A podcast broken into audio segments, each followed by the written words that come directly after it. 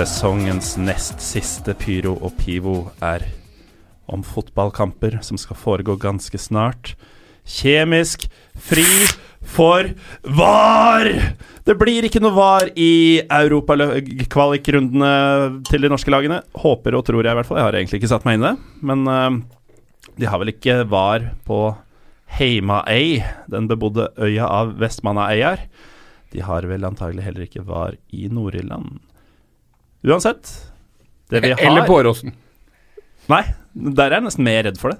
Hvem er du? Eh, Trym heter jeg. det er ikke så lenge siden sist du var her. Nei, nå, har jeg fått lov til å komme litt oftere.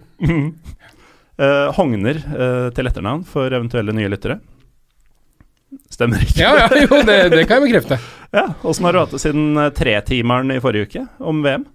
Ja, ja, um, det har vært mye totimere med VM-kamper.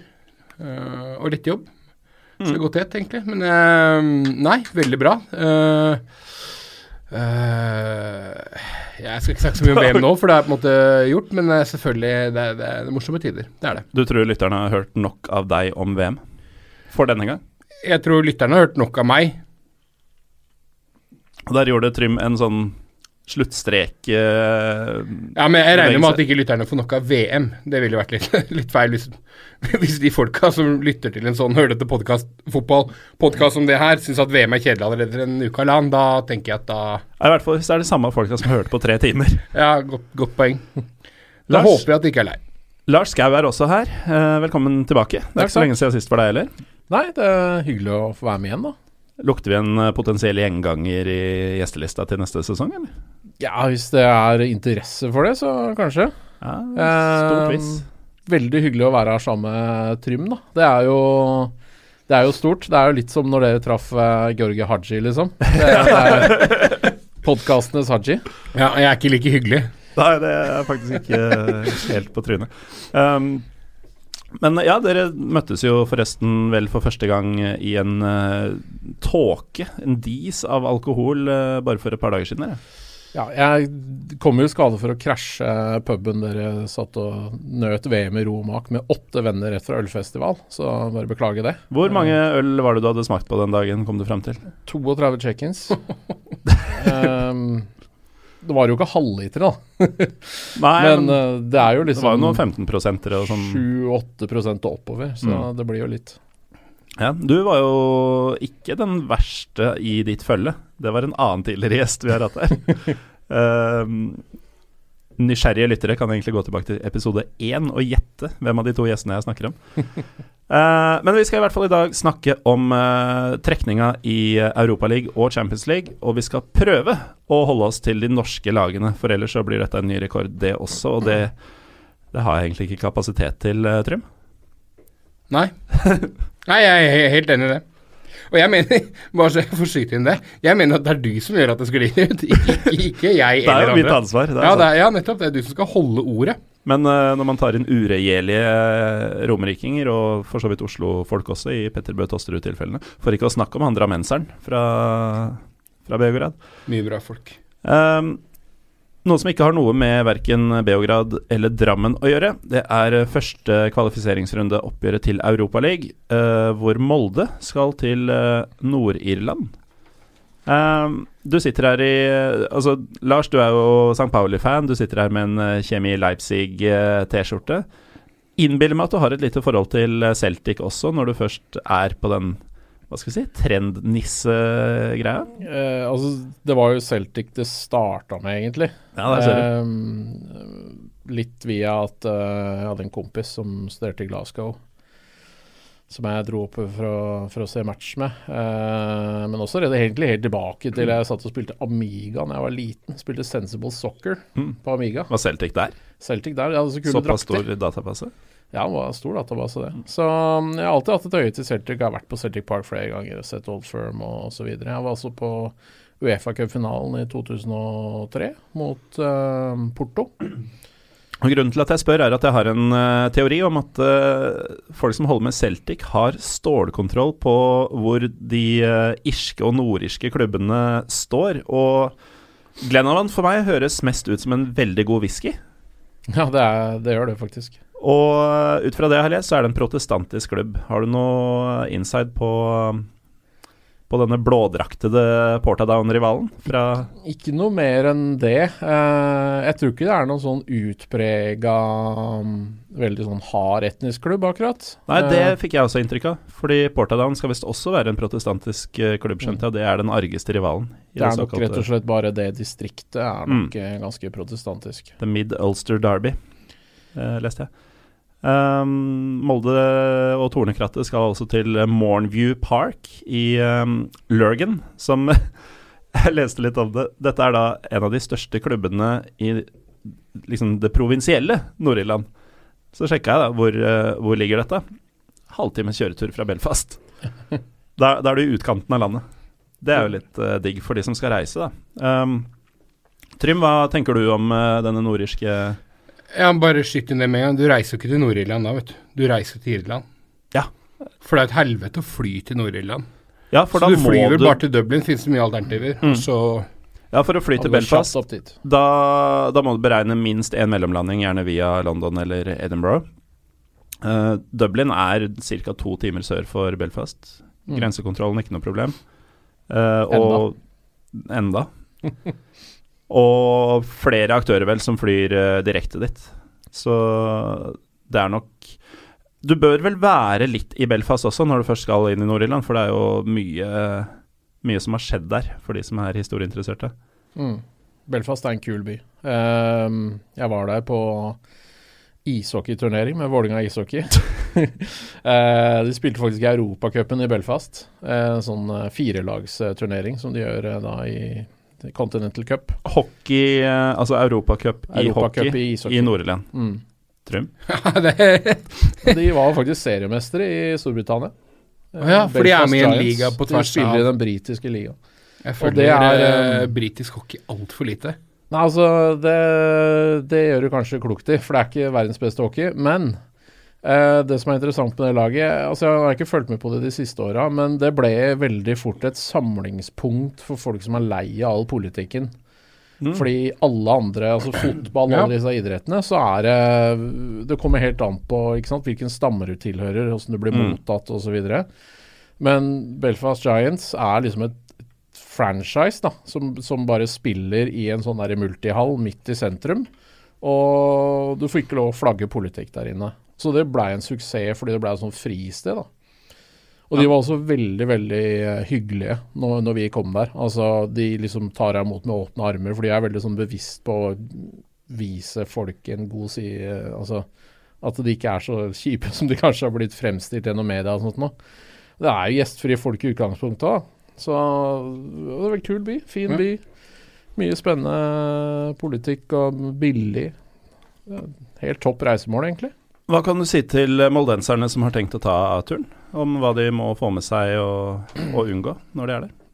Ja, altså, du eh, bør kanskje ikke spørre rett ut med en gang åssen politikken er og sånn til folk. Eh, fordi mange er rett og slett leire. Mange av den yngre generasjonen bryr seg ikke heller, men eh, Jeg merker, jeg er jo også lei det. Eller jeg er egentlig ikke spesielt interessert i det, men når jeg ser et nordirsk lag, irsk lag, så tenker jeg ok, dette er jo Mulig jeg sitter fast i, uh, i norsk fotball på 90-tallet og begynnelsen av 2000-tallet, men jeg tenker jo nesten walkover for uh, Molde. At man bare forventer at de går videre. At fotballen er dårlig der. Det er uh, lite stadion. Det er, liksom, det er ikke så mye å sette seg inn i. Så går tankene mine automatisk til den ene tingen som bare skyter inn. Selv om jeg egentlig ikke kan du bare nevne én ting. Jeg hadde en kompis som um, Han har alltid vært veldig interessert i gaeliske idretter. Han var inne på en pub, eh, kom i god kontakt med pubeieren, som var eh, katolikk og var liksom uh, tilhørte greiene der. Og han var tidligere hurlingspiller. mm. Så han fikk et hurlingballtre i gave av han pubeieren. Og så skulle han gå ut eh, hjem til hotellet sitt, og da ble han stoppa av dørvakta, så du kan ikke gå ut med det. Da blir du slått i hjel. Så han måtte gå inn igjen og få en sånn svær, svart søppelsekk og gjemme det i. Fordi at han kunne da bli tatt for å være katolikk i et protestantisk område. Så du skal være litt forsiktig. Men For et hølingballtre, det, det er det bare katolikker som driver ja, det er kun katolikker som spiller gaelisk idrett. Ja, ja, det gir jo mening når du nevner det. Men, men det er ikke utgangspunktet Du er nordmann. Altså dem gir deg litt Altså, du skal være ganske avtale for å havne i trøbbel. Du skal ha ganske irsk aksent på den norske engelsken din hvis du ikke prater deg ut av den. Men, men har nordirene har de Hvordan aksent har de? Prater de britisk-britisk? Jeg har vært på Jeg har liksom vært øh, på å si hele runden, Wales og Skottland og sånn, men jeg har ikke vært i, øh, Mm. i Nord-Irland og Irland. Nei, det jeg har hørt, er, har vært eh, nærmere irsk. Ja, mye nærmere irsk. Mm. Uh, gjerne med litt mer sånn uh, altså, det, det er vanskelig å beskrive, men kanskje litt mer sånn skotsk uh, twang. Jeg har blitt tatt for å være nordir en gang i England, fordi jeg da prata Jeg hadde vært litt en del i USA, så jeg hadde litt sånn amerikansk R, men prata litt britisk-engelsk, og da, da liksom Mm. Ja, da er du irsk. blir ja, altså, det er litt sånn. Eh, litt utafor byen så kan det kanskje være litt vanskelig å skjønne dialekta. Der, eh, på Mornview Park så er det plass til 4100 tilskuere. Dette er jo en match i Uefa-regi, Ja. som vel betyr kun sitteplasser. Ja. Det har de 3200 av, så det blir et uh, lite, men forhåpentligvis godt selskap for uh, moldenserne. Ja, men de, de snitter i hjemlig serie, så snitter de på 1400 tilskuere. Mm. Så det bør sikkert holde i massevis. Det er omtrent det som er snittet i ligaen også. I, i Nordland er sånn litt over 1000 eh, 1300 eller sånn tror jeg kanskje er tilskuersnittet i ligaen. Ehm, så, så det holder nok bra. Og dessuten, la oss være brutalt ærlige her. Hvor mange kommer til å reise fra Molde? Altså, Ah, det, ja, det var kanskje Det var kanskje, var kanskje cheap shot, altså, men eh, ja. ja, nei, det, det er jo for så vidt et poeng, det. Ja. Jeg husker da vi var tenåringer, eh, Trym, så fikk vi Glentoran på besøk. Ja, og det, det, det var faktisk første europacupoppgjør jeg så. Mm. Var eh, Lillestrøm mot Glenn Torren. Og det er da ikke Glenavon, men de er da begge nordirske og heter nesten det samme. Uh, og det var vel da i år 2000. Ja, blank. Ja. Uh, og da hadde Lillestrøm først vært i eh, Belfast. Vunnet eh, 3-0. Stemmer. Ehm, det, det tror jeg var sist gang Lillestrøm vant en kamp. Og så i returoppgjøret på Åråsen, så er det eh, flere hundre Og jeg romantiserer litt nå, så jeg sier 400. Da tror jeg du kan halvere det. Ja, det Men det er 400 tilskuere som har reist fra Nord-Irland, Glenn Torn-fans. Og det er noen av de kuleste supporterne jeg noensinne til dags dato har møtt. Um, de tapte jo da selvfølgelig også på Åråsen. 1-0. Ja, uh, fordi, fordi nordirsk fotball er helt sinnssykt elendig. Og, er skrap. Og, ja, og, og, og på slutten av 90-tallet var jo norsk fotball god, så da var jo styrkeforholdet enda drøyere enn det er nå. Men, men uh, etter kampen um, så står de igjen uh, utenfor Åråsen, og så klapper de for, uh, for LSK-supporterne. Eh, Veldig, veldig fet greie. Og de eh, 900 Torrent-supporterne på ganske nøyaktig motsatt side av Kanarifansen trengte ikke å stå på bortefeltet engang. Uh, de sang rungende, altså. Ja, ja, ja. Nei, ordentlig, ordentlig fet, eh, fet gjeng. Eh, nå tror jeg det kanskje er en litt større klubb enn en, en eh, Glenavon, men, uh, men Nordirer går jo for å være kule fans. Man har jo sett dem i når de er i mesterskap også, som de var for mm. to år siden. Og det, det er jo fete supportere. Det er en Ja, kul gjeng. Det er jævlig kule folk. Det er sånn som du kan ende opp med å forme liksom vennskap med å nærmest dra og Mm. treffe dem igjen og sånn. For Ja. det er sånn skikkelig kule folk. Og um, jeg husker jo også Glenn Torren, fordi uh, mange av de var jo også på Bohemen. De bodde jo i Oslo sentrum og, og fant Bohemen og sånt noe. Så helt strålende folk. Ja. Men, men bare for å um, understreke det poenget litt med, med det sportslige nivået, da, eh, og hvor lavt det er. Eh, eh, dette laget her sånn eh, eh, var med i Europaliga-kvalik i fjor også. Da møtte de KR Reykjavik. eh, som jo ikke er superbra, å og taper sammenlagt 8-1. Eh, Det var dette laget som Molde skal møte. ja. Ok, Så Molde er videre, Det.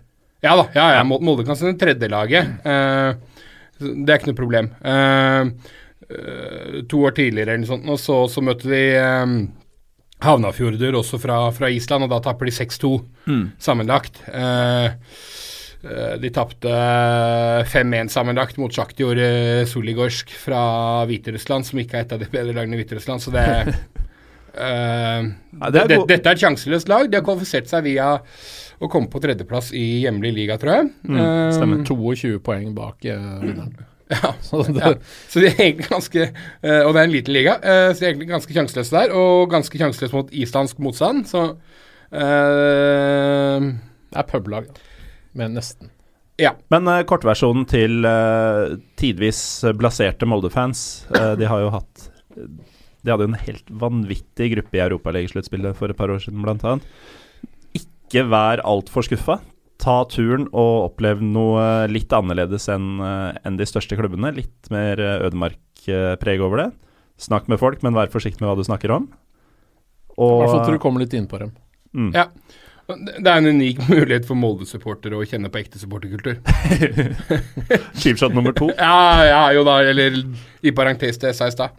Og så blir det selvfølgelig jævlig artig returmatchen, for den er da i Molde under jazzfestivalen. Og jazzfestivalen er jo den kultfestivalen som er. Det blir jo noen drita nordirer i gatene. Nordirer oh, ja. i gatene. Ja. Uh, Serp de skal til eh, Island, og ikke engang fastlands-Island. De skal til uh, Vestmannaeyjar og møte IBV. Det er så fet jule. De har skutt gullfuglen, altså. Det er eh, båt fra fastlandet. Altså det å ha den check-in på, på stadionappen, det er gull. Ja, det, Utrolig flott stadion. da. Eh, bortsett fra det ser jo ut sånn der bingen på Valle, der hvor Vålinga trener. altså, stadionet Hasteinsvøller, det er ikke så stilig. Men det er gresslette, men det landskapet er ikke Ja, det er, Nei, jeg trodde det var eh, Photoshop her. landskapet rundt er noe av det vakreste i, i verden. Ja. Det er sånn Lord of the Rings-aktig. Du- Det er som du sier, du tror det er photoshoppa. Veit ikke om jeg hadde giddet å spille der i november-ish, men eh, Jo, men det spiller ingen rolle på Island, vet du. Nei, jeg kanskje ikke. November, juli, samme vær. Ja, men, ja, men det er ikke kødd. Det så er serpingene bør pakke vinterjakka? Eh, eh, det, det, det kommer til å være 11 grader. Mm. Tenker jeg. Ja. Åssen er uh, regn, vind, den type forhold? Begge deler. Men det er jo, islendingene har jo et ordtak som de selv syns er jævlig festlig. Nemlig uh, Og det skal de da si i møte med utlendinger, da, f.eks. fra Sarpsborg. Å, uh, liker du ikke været? Mm, vent et øyeblikk. Og så har det skifta? Ja, Ja. det er spøken, det. Ja, eh, det er fint. De er veldig fornøyd Eh, med den. Men Vestmanneier er jo da en eh, øygruppe som eh, ikke ligger vest, men sør eh, for uh, fastlands-Island. Det går ikke an å kalle det fastlands-Island. Ja, nei. Men uh, hvor er bare den største øya, da, Heimaøy, er eh, bebodd, og det bor litt over 4000 eh, mennesker der. Mm. Det er jo Altså, bare det låter jo Lord of the Rings. Ja. Og når man ser bildene, så blir det enda mer sånn.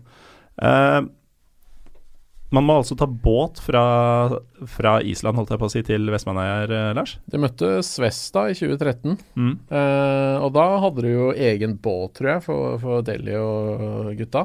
Delhi er på egen båt i, uh, internt i Island. jeg skjønner, ja. Så i hvert fall eh, det og de Det var noe ganske eksotisk for en serber òg, tror jeg, å komme ut dit. Det er selvfølgelig bare gøy, liksom. Det er jo Altså, det er dritfett. Men uh, sportslig skal du ikke undervurdere dem heller, da. Fordi de spilte 0-0 mot Svesta hjemme. Ja. Uh, Mm. Du, de tar dem sikkert ganske greit i Sarpsborg, men uh... Ja, jeg må få lov til å være litt uenig, faktisk. De skal undervurderes. Uh, nei, men de, de, de, Islands liga spilles jo norsk, uh, liksom norsk, ikke sant? så det er sesongen der nå. De ligger på nedrykk i den islandske ligaen, OK. PT. Ja, for de er jo her i egenskap av å være um, Bikarmeister, altså Ja. cupmester. ja, så de er på en måte litt sånn Litt som Lillestrøm. Ja, Islands Lillestrøm, da. Eller Østersund. Eh, Med Lillestrøm, kanskje, enn ja, ja. Eh, så, så Og de, de, de, eh, det, er, det er et lag som um, ofte er oppe i toppen av ligaen. Det er der for så vidt. De har vunnet den tre ganger. Uh, jeg leste at de har vært med i ulike europacupkamper 44 ganger. Og 37 av de gangene så har de ikke vunnet. Eh, og husk at disse her kommer inn tidlig, så det betyr at de har møtt en del ræl fra Færøyene og Nord-Irland. Ja, ja, nettopp. Så, så ehm, for Sarpsborg så er det her bare en sinnssykt fet bortematch. Ja, det er vinn-vinn-vinn. Ja, ja, ja. Og et lag man, man helt åpenbart uh, bør slå. Uh, uh, og ja, og det, er- det, er, det er jo mer enn bare en fotballtur, for det er, det er så vakkert der ute, og det er så, det er så unikt, ikke sant. Eh, det her er jo den øya hvor der, eh, vulkanen var i 73, hvor uh, ting gikk ordentlig gærent og sånt nå. Uh, så det er jo Det er, jo, Er det den som bare heter Eldfjall, eller noe sånt? Ja, eh, Eld, Eldfell. Eldfell, Ja. Mm, ja. Det er Det er jo også en av Går for å være en av Europas vakreste golfbaner på denne øya. Det kan jeg lett se for meg. Kanskje en litt vrien golfbane med tanke på vindforhold og sånt noe. Eh, Pakk med golfkøllene, serpinger. Og så er det Golfkøllene og jakka, så er du klar for fotballtur. Ja, og så er det jo noe, nå er, jo, nå er det VM igjen, og, og Islandshypen har jo ikke gitt seg i det hele tatt. Mm. Dette her er jo sånn et mini Det, det som er litt fett med Vestbaneøya, er at det er et slags mini-Island i Island. Eh, for det lille, den lille øya der sånn har jo da produsert den ene fotballspilleren etter den andre. Og du nevnte innbyggertallet, 4500 eller noe sånt nå. Ja, jeg føler det er litt billig å nevne innbyggertall uh, i forbindelse med Island om dagen. Vidar Ja, Kjartansson er vel fra Vestmannsøya, tror jeg. Ja, Herman Reidarsson er det. Uh, og Trygve Gudmundsson, som var jævlig svær i Eliteserien i mange år. Ehm, I tillegg, og det er ikke så, har ikke så mye med fotball å gjøre, men det er også hjemmeøyene til Keiko. Altså ikke Tom Nordli, men den faktiske hvalen som var med i de Free Willy-filmene. Ja. Uh, så det er Herman Reindarsson, Keiko, Trygve Gudmundsson og Vidar Kjartansson. Ja. Hmm. 25 mål på én sesong I Kina? i Norge. Uh, det husker jeg ikke. Nei. Um, for uh, serpingene som eventuelt har uh, vannskrekk eller blir lett uh, sjøsjuke, så fins det faktisk en annen mulighet. Um, det er vel eh, hovedsakelig Iceland Air og Norwegian i hvert fall som jeg vet flyr direkte til Reykjavik. Eh, derfra går det faktisk an å fly et selskap som heter Eagle Air, som er et eh, miniselskap på Island. Uh, Ca. 2000 kroner så jeg nå tur-retur. 25 minutters flytur. Mm. Men jeg vil på det varmeste anbefale en båttur. Ethvert sted du kan ankomme med båt uten at det er altfor mye styr, ankommer du med båt. Mm. Yes. Sikkert servering på den Ja, og propellfly og sånn er ikke noe gøy heller. Nei, det har jo vi uh, kjent på i, uh, da vi skulle fra A til B, eller Ja. Romania til Moldova, som det heter. Ja. Så det Nei, det er ikke noe å rope hurra for. Og så kan det være en liten sånn greie som også um, uh, En liten anbefaling til de som reiser fra Sarpsborg. Det må være å prøve å få kjøpt seg uh, IBV sin drakt. Uh, og grunnen til det er at IBV er sponsa, og dette er ikke ofte man sier at kjøp en drakt fordi sponsoren er så fett, men uh, IBV er sponsa av Islands svar på Rema 1000 eller et eller annet, Bonus. Og logoen til Bonus, det er en, eh, en gris. Eh, og nå er jeg redd for å bli veldig sånn politisk ukorrekt, men den eh, den, er, den ser ikke ut som den helt som den skal være. sånn special needs-gris. Som er da over hele drakta, og det er litt fett. altså Dette bildet må du finne, Trym, så jeg kan legge det ut på våre sosiale medier. Dette Ja, ja. tror jeg faktisk blir Instagram-bildet til denne episoden. Gjerne det. Um, I forbindelse med episoden så har eh, vi fått inn uh, noen spørsmål, og av dem så er det egentlig bare én person som har sendt inn seriøse spørsmål. Eh, det er Serp-supporter Lars Henrik Haugeli, som eh, midt blant masse hyggelig eh, skryt av podkasten, tusen takk, eh, Lars Henrik, har et par spørsmål fordi han sier selv at han er den typiske anglofile supporter som bare har sett kamper i England, og som ekte serping er nå veldig frista til å dra mot IBV. Han lurer på om noen her har vært på Island og på kamp på Island. Og Trym, du har til de grader vært på Island. Ja, Um, jeg landa i Reykjavik, en slags mellomlanding, og ble værende i tre måneder en gang. Eh, så rakk du ikke fly, Iceland da? Air tilbyr de der uh, bli her en uke, eller Ja, noe ja, på- eller uh, fire dager tror jeg egentlig er tanken Ja. at du skal få det til på, da. så misbrukte du Ja, Jeg ble værende i tre måneder. Mm. Um, og, men det er lenge siden, og det var utafor sesong, for jeg var der på, eh, på høsten. Ehm, så jeg har sett islandske treningsmatcher, eh, og dette her er jo da en god del år siden nå, da ja, hypen ikke var helt det den er nå. Ehm, eh, men, men holdt på å si hva var spørsmålet, om jeg har vært på Island, eller hva jeg Eh, altså- ja, man har vært på Island og sett kamper der, eh, i to forskjellige spørsmål, vel å merke. Men Ja. eh, hva vil du da anbefale når man er på Island for første gang? Nei, jeg vil jo tenke at Altså, man flyr til Reykjavik, uh, og så tenker jeg at man da prøver å ha base der i en, en lang helg. Det er en veldig, veldig kul by. Masse uteliv. Uh, masse små brune buler og, og Ja, egentlig veldig show. Uh, jentene er veldig medgjørlige. Jo, men ja, de, de lokale jentene. Det er veldig hyggelig. Så man må jo ha base i, eller, ja, i, i, i Reykjavik, og da eh, har man noen dager da, så kan man også dra på noen, eh, enten hvalsafari Eller så er du helt idiot, og så leier du en sånn eh, offroad-kjerre, og så cruiser du rundt eh, å si utafor allfarvei, da.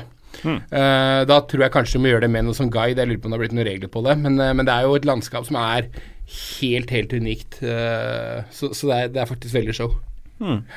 Det høres jo ganske fett ut. Det er jo der de lager de Arctic Trucks uh, som Ja. Er sånne, sånne svære ballongdekk for at du skal kunne kjøre på snø og sånne vulkanask og sånt noe.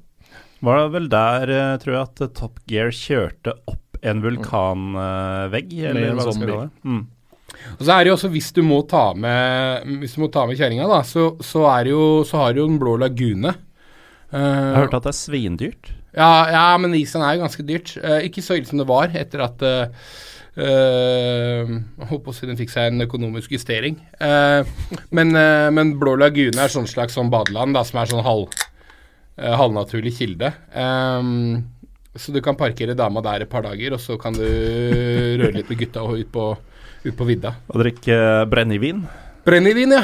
Mm, eller, Er e eller Egils, som, eh, som Møhle der heter. Er det ikke Råtten Hai som er uh, Det snakkes, snacks, Mm. ja. Og det tror til og med jeg blir for drøyt. Jeg husker da vi var i Kiev, Trym, så var det jo noen lokale helter som dro fram en uh, sånn, hva skal vi si, fermentert makrell eller noe sånt som barsnacks. Det, Ja, bare snacks? Jeg jeg har kun sett bilder av det i ettertid, Morten.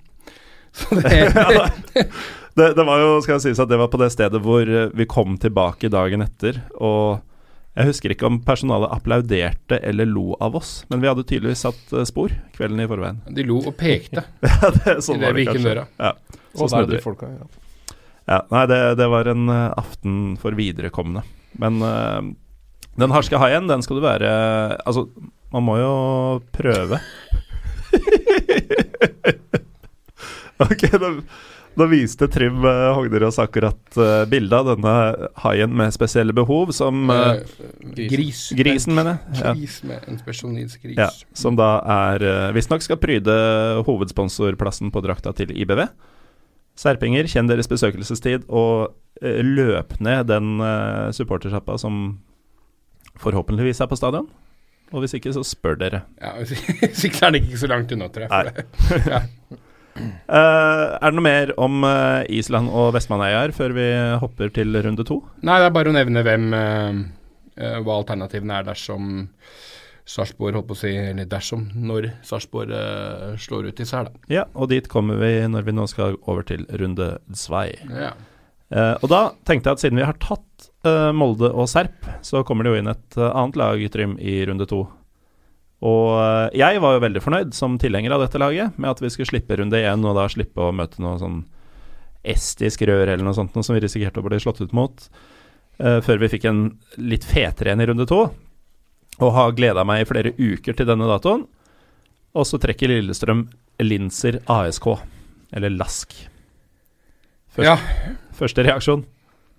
Ehm, nei, første reaksjon var sånn ordentlig supernegativ, og så har jeg justert meg litt siden.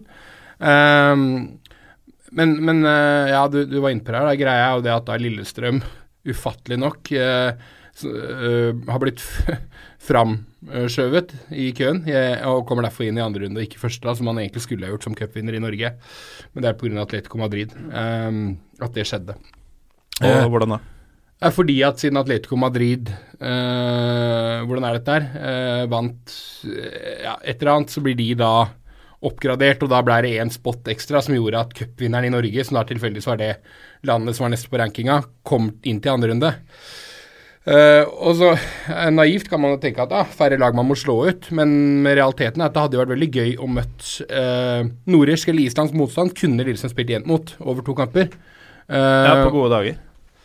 Ja, hvis vi legger godvilja til, så kunne det vært mulig uh, å spille jevnt med, med, med et lag fra Island.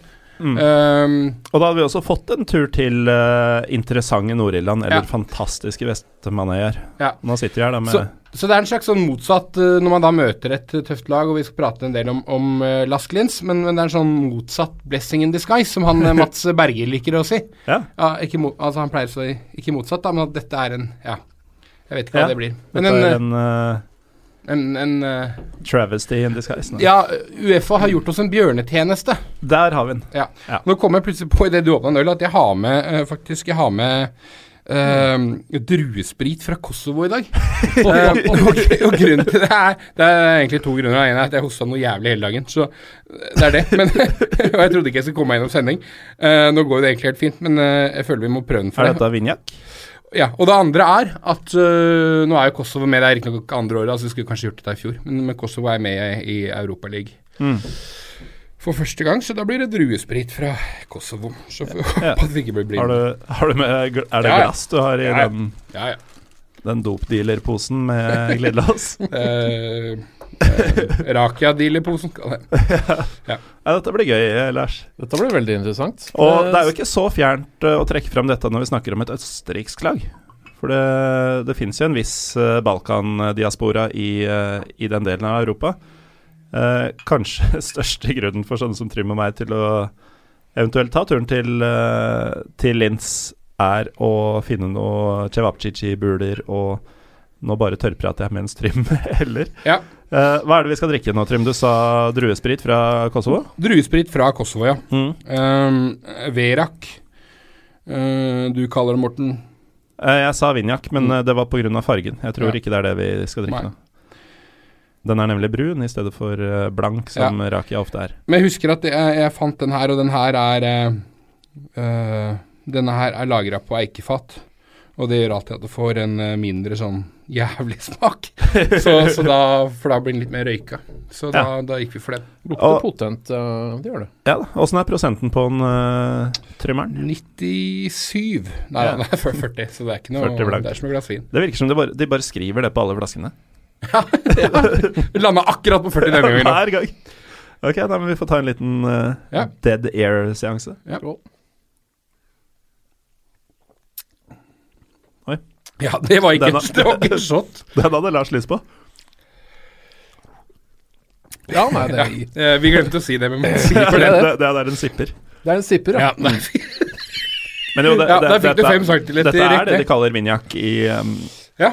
i Serbia og Ja. ja. Mm. ja. Man holder med en, altså. Det er greit. Men Jeg eh, vil ha med en liter.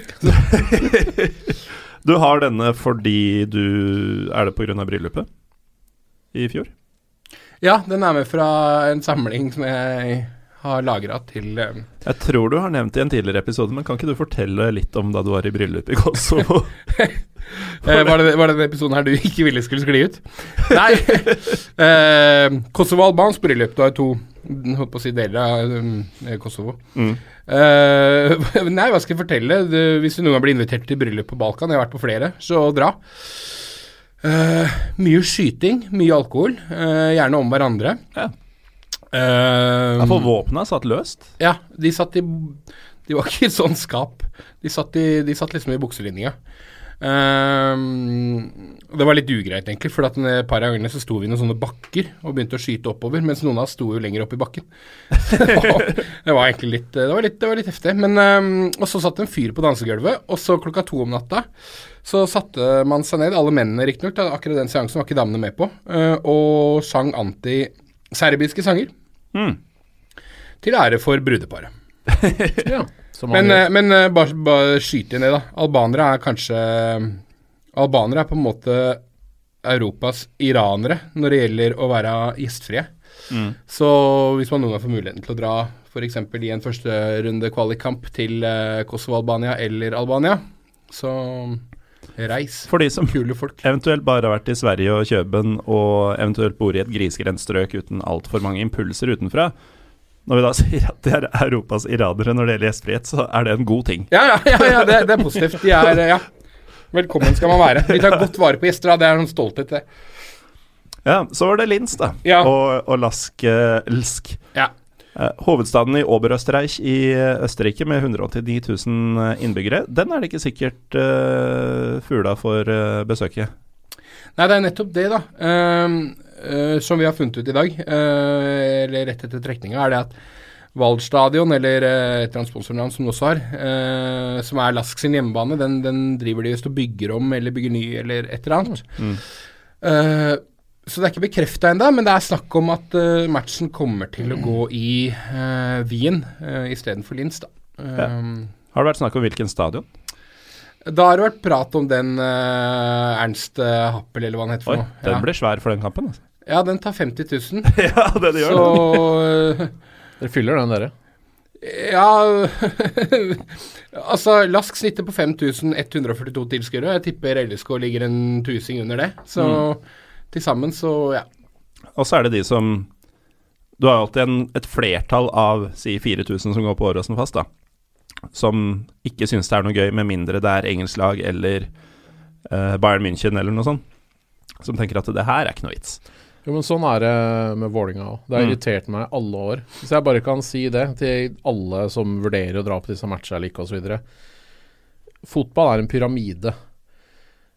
Jeg mener helt automatisk så er en kamp i Europa større enn å spille en kamp i hjemlig serie. Jeg vet at det kanskje ikke alltid føles sånn, men greia er at altså, det å spille ute i Europa, liksom spille mot andre lag og sånn, for meg så er det noe helt, helt spesielt. Det er jo en ære, på sett og vis. Det er det. Det er bare de færreste som har fortjent det. Vi har jo drømt om noe sånt i ti år, Trym. ja.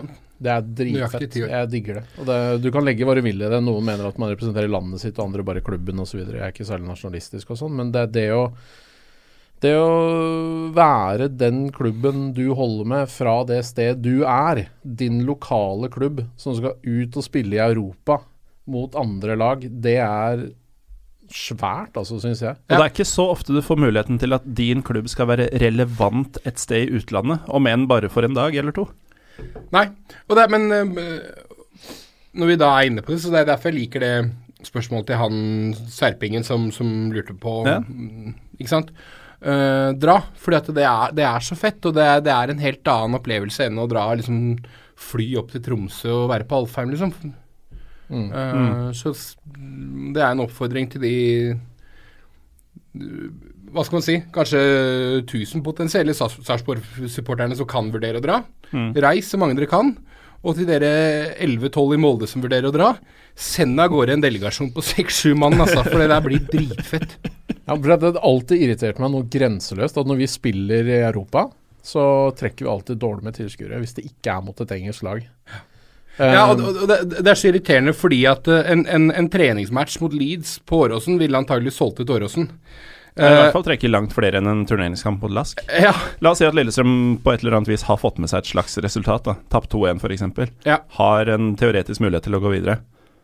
Kommer jo ikke folk her, vet du. Nei, men, men der er vi jo Og så er jo vi litt eh, kanskje litt sånn fotballhipstere her, da. Men, men det er der vi kanskje også er litt sånn Du spurte om den umiddelbare følelsen da vi trakk Lasklins. Mm. Og det er klart at vi i den uh, I det puljeoppsettet som var, da, så kunne Lillestrøm f.eks. ha trukket Besjiktas. Å, fytti. Eh, og det hadde vært jævlig fett, fordi, for det første fordi Besjiktas er svære, det bor mye tyrkere i Norden, det hadde blitt bra kok. Jeg tror veldig mange hadde hatt lyst til å dra til uh, Istanbul. Uh, det er også veldig mange Lillestrøm-supportere som har en relasjon til et annet uh, Istanbul-lag, er det ikke det, Morten? Jo da, det stemmer det. Ja. Og det er ikke utenkelig at representanter for det laget der nede ville kommet på bortefeltet vårt Mm. i Istanbul.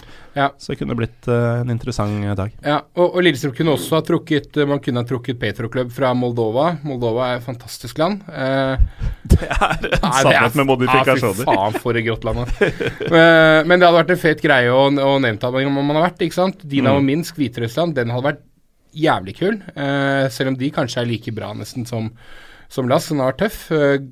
Gabala fra Aserbajdsjan, hvor, hvor kult hadde ikke det vært? Eh, Da hadde jeg fullført Kaukasus. ja, ikke sant? Ehm, så det føles som at man kunne ha ehm, Av de vi kunne trekke, da Nå har jeg nevnt de fleste av dem. Uh, Osijek er vel også inne der, fra Ja. Kroatia. Dette er rett og slett det kjedeligste. Ja, det er, sånn måte, vi ja, det. det er på en måte det kjedeligste. Og så er det sportslig kanskje det nest tøffeste vi kunne ha møtt. Vi må vel anta at Besjiktas ville vært sterkere, men jeg, eh, Lasklins er et veldig bra lag. Og det, så det er et kjedelig lag, men de er kjempegode. Har du vært i Østerrike, Lars? Ikke på fotballen, men jeg har vært eh, mye i Østerrike. Uh, Wien er jo for øvrig en dritfin by. Det blir jo fort der eh, LSK vil ha base, uavhengig av hvor kampen går, vil jeg i hvert fall anbefale. Ja, er for det ikke glemte jo å nevne at ja, det er ikke mer enn en time eller halvannen mellom Mm. disse to byene. Jeg har um, feira nyttår i Wien. Og da har de høyttalere montert i gatene, og så danser de wienervals når klokka er tolv. De gjør det, det. Det, der er du Altså, det, det er sånn Når du kommer dit, så skjønner du at dette er hovedstaden til et gammelt imperium. Mm. Det er vanvittig flotte bygninger overalt. Det er monumenter, og det er, vanvittige historier. Altså. Det er en kjempeflott by. Masse god mat og drikke og Ja. Helt topp. Jeg er veldig fan av eh, landhopping, og også byhopping internt i land når jeg er ute og reiser. Eh, litt eh, i samme, etter samme prinsipp som groundhopping. Og for jeg har også vært i Wien. Jeg var ikke så begeistra, men det er, det er flott. Det er det. Jeg bare hadde ikke det spesielt gøy der. Eh, men like ved ligger jo Bratislava. Yep. Eh, og der kan du også like gjerne ha base hvis du reiser ned som eh, supporter. Ja, i hvert fall- hvis kampen blir i Wien, da. Ja, Blir det i spesielt Linz, så begynner det kanskje å bli litt vanskeligere, men ja. Mm. Ja, nå, det, alt tyder jo på at kampen skal gå i Wien. Ja, og det kan Så- godt være at det blir avklart allerede i kveld, faktisk. Det Ja. kan være at uh, når Mm. den er ute, at det er avklart. Men For eh, Bratislava- det, vir- det, det virker sånn. Bratislava og Wien er jo de hovedstedene i Europa som ligger tettest eh, nærmest hverandre. Og flyplassen ligger et sted imellom de to byene, så du kan fly både Jeg har tatt tog mellom eh, Wien og Bratislava. Det er sånn 20-25 minutter. Eh, Lokaltog går hele tida. Du Mm. kan null stress og ta en dagsutflukt i Bratislava. buss for fem euro på under en time. Det kan du gjøre. Og Der spiste Eh. jeg for øvrig eh, magesekksuppe, Ah. som var veldig, veldig godt. Uh, anbefaler det. Okse Egentlig bare sånn okse, hva heter det, sånn kraft og sånn, Ja. med skum og greier. Og mye krydder, og strimla magesekk. Var, jeg spiste mer enn magesekkstuing da jeg var i Praha i våres, Mm. så det, det var veldig godt. Eh, nå får du påfyll, Lars, av Ja. uh, V-rakken. Skal ta litt eh, saktere denne gangen. gjør det, gjør det.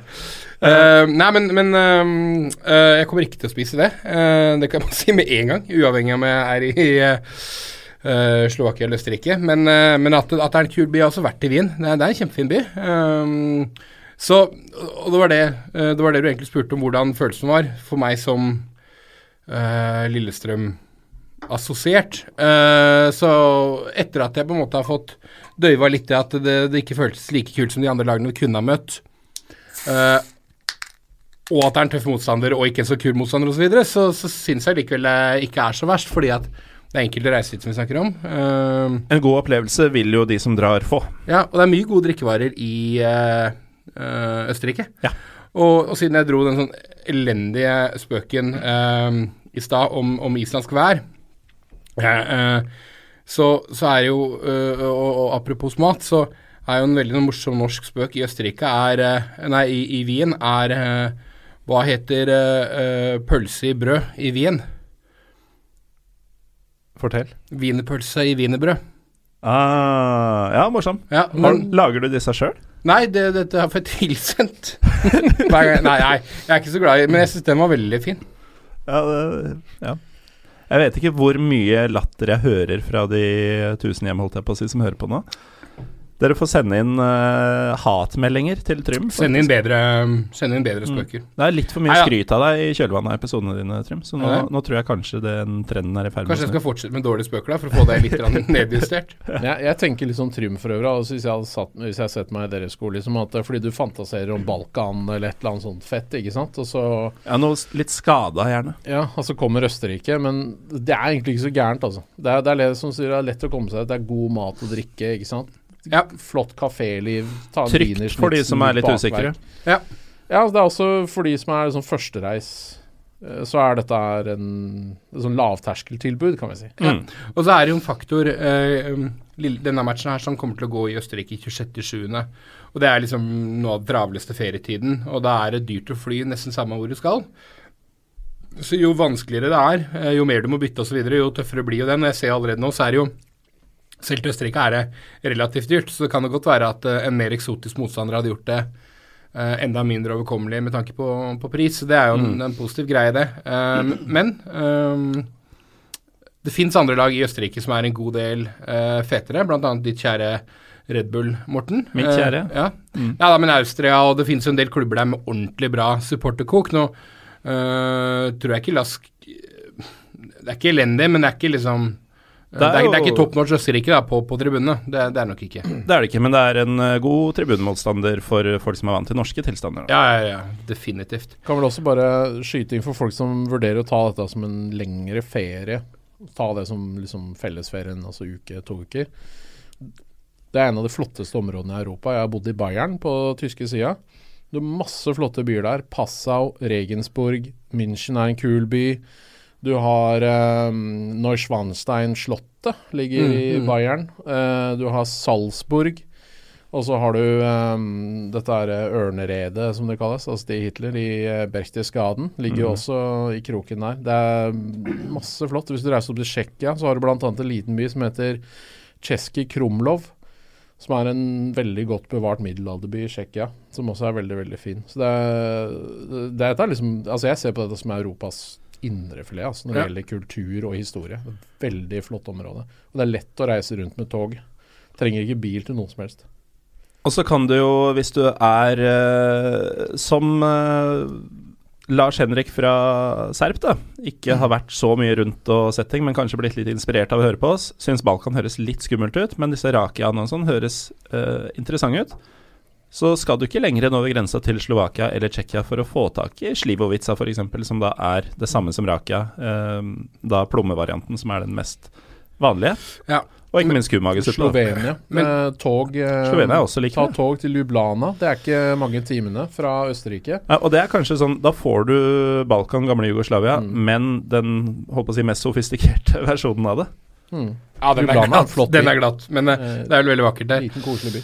Men jeg, jeg tror 10% av innbyggere i Linz eh, er fra, er fra Balkan. Jeg, blant annet eh, så er det jo Så kan godt være det forakket der, eh, men blant annet så er det jo hjembyen til eh, eh, en fyr som skulle ha spilt på det østerrikske landslaget, men som eh, valgte å spille for Kroatia, som heter Mateo eh, Kovacic. Uh, som, er, eh, som vokste opp i Linz, og som spilte for Lask da han var yngre. Mm. Og det er jo Altså, at Lask møter LSK omsider, er jo nesten på tide. For det er jo Vidar Riseth vært i begge klubber. Torgeir Bjarmann vært i begge klubber. Geir Frigård vært i begge klubber. Ja. Uh, Veit ikke om det er flere, men det er mange. Per Per Per var vært trener i begge klubber. Ja. Mm. Så har Rune Tangen har ikke vært i LSK, men altså det er en ganske sånn sterk norsk eh, connection her, da. Selv om uh, jeg må innrømme at det persongalleriet her er kanskje ikke det som får mitt hjerte til å banke varmest. Ja, da, men det, eh, det kan kanskje bikke og Men, men, når Kanskje bikke ti mann ekstra til å dra, da. men når vi snakker fete spillere, da Uh, Jeg måtte jo google Lask litt i dag. Mm. Emanuel Pogatet. Han er der, han. Han spiller der, han. Ja. Og det er så, det er så sykt fett, fordi uh, For det første så er jo han din favorittspiller, Morten. Han har vært i Union Berlin og i det hele tatt. Ja, han spilte uh, overraskende lite der, faktisk. Oi. Uh, og for det andre, så Hvordan er det mulig? Emanuel Pogatet var jo litt avdanka for veldig, veldig lenge siden. ja. Men uh, kult Var ikke han litt avdanka sånn da de hadde EM i Østerrike for Ja, ti år siden? Ja, han var litt avdanka da han var ung talent. Men han har spilt i masse fete klubber, og han, han er liksom det store navnet der, da. Eh, og har faktisk ikke rukket å blitt mer enn 35, noe jeg syns er helt utrolig eh, fascinerende. En slags sånn omvendt Nigeria, egentlig. Så eh, ja, det er jo egentlig fly til Wien som gjelder. München en mulighet eh, hvis det eventuelt er rimeligere. Så var i hvert fall i sin tid Ryanairs såkalte Wien-flyplass var jo Bratislava. Hvis den fortsatt finnes, så er jo det også en mulighet eh, når dere er ute og eh, vindusshopper. Kan jeg ta med én eh, kuriosa fra Linz? Da. Linz har et cowboymuseum som heter Cowboy Museum Fatsy. Fatsy. Der får dere deres kulturelle input. Ja, det, er, det er noe å oppsøke. Cowboymuseum i Østerrike. Mm. Det er ganske fascinerende å se hvordan mellomeuropeere eh, innbiller seg at Amerika er, og så lager de noe Ja. Eksempel i Bayern Mm. så er det en westernby som er sånn der Der Westernstadt. Som er liksom sånn cowboyby som familie drar til og sånn. Og det første du ser der, det er at det henger jo sørstatsflagg overalt. Det er sånn derre mm, ja, kanskje ikke Ikke sant? Så det, det er veld, veldig absurd. er Ganske morsomt. Men det er jo litt fett med Østerrike òg, egentlig. For Østerrike er ganske harry i, i, i Wien. Ja, men jo, det er jo det. Det er det. Til å være så sofistikerte og Mozart og det ene og andre, så er Østerrike egentlig jævlig harry. Eh, i, I Wien så er det jo også Elvis Shop. Altså, Elvis for meg så har ikke han noe spesielt med Wien å gjøre, men de har en egen butikk, det er Elvis Presley Shop, liksom, i Wien. Ikke at Elvis Men det er ikke at Elvis var harry, altså, han er jo en, en, en gud, men, men Spennet på kultiverte folk og ikke-kultiverte folk er jævlig svært, kan du si. Antakeligvis. Det er hjemlandet til både Mozart og Falco. Ja. Nå er det da, som du sa, Trym, min oppgave å gå videre i programmet. Og vi antar jo da at Molde har gjort eh, kål på Glenavon. Og de vil da møte vinneren av Anarthosis Famagusta fra Kypros og Latch fra Albania. Det er Eh, fet trekning. Ja. og, og det er en fortjent sydentur for de moldenserne, de hva var det, fire stykker, som, eh, som tar turen til Nord-Irland, eh, Trym. 67 hvis de mobiliserer. Mm. Jeg vet fryktelig lite om Latch. Her kommer Trym Hogners eh, Albania-ekspertise inn. Nei, men altså Jeg vet at det ligger en times biltur fra Tirana. ja. Det er kanskje det viktigste når det gjelder reisevei. Ja, og det, Uten at jeg har sjekka opp det, så kan det fort også bety at den skal spilles i, i Tirana. Ja, for stadionet deres er bitte liten. Ja, Hvor bitte liten, da? 1500 og sånn? ja men Ja. Og så trekker du fra ståplasser, og så er vi Ja, da havner den Jeg veit ikke om kampen den er Tirana. Uefa-godkjent engang. Mens Vestmannøya eh, spiller jo antageligvis hjemme, så Ja, Vestmannaøyer spiller hjemme. Mm. Um, men stadionen i Albania er litt sånn som uh, hockeyarenaene i Norge. De er liksom helt uh, ubrukelige. Uh, med ett og annet hederlig unntak. Um, så det kan godt være at den kjøres i, i Tirana. Og da går det jo an å Jeg vet ikke hvorfor vi skal snakke om det, for det blir jo ikke Tirana. Eller det blir jo ikke Nei, det gjør jo ikke det. Nei, det gjør fordi ikke det blir Molde Anorthosis Famagusta, og det vil, det vil faktisk si at uh, to tidligere Champions League-deltakere vil møtes. Og for øvrig en veldig interessant fact med Famagusta at de er egentlig fra Nord-Kypros. Ah. De uh, flytta eh, etter Tyrkia invaderte i 74. Så flytta de til uh, Larnaca.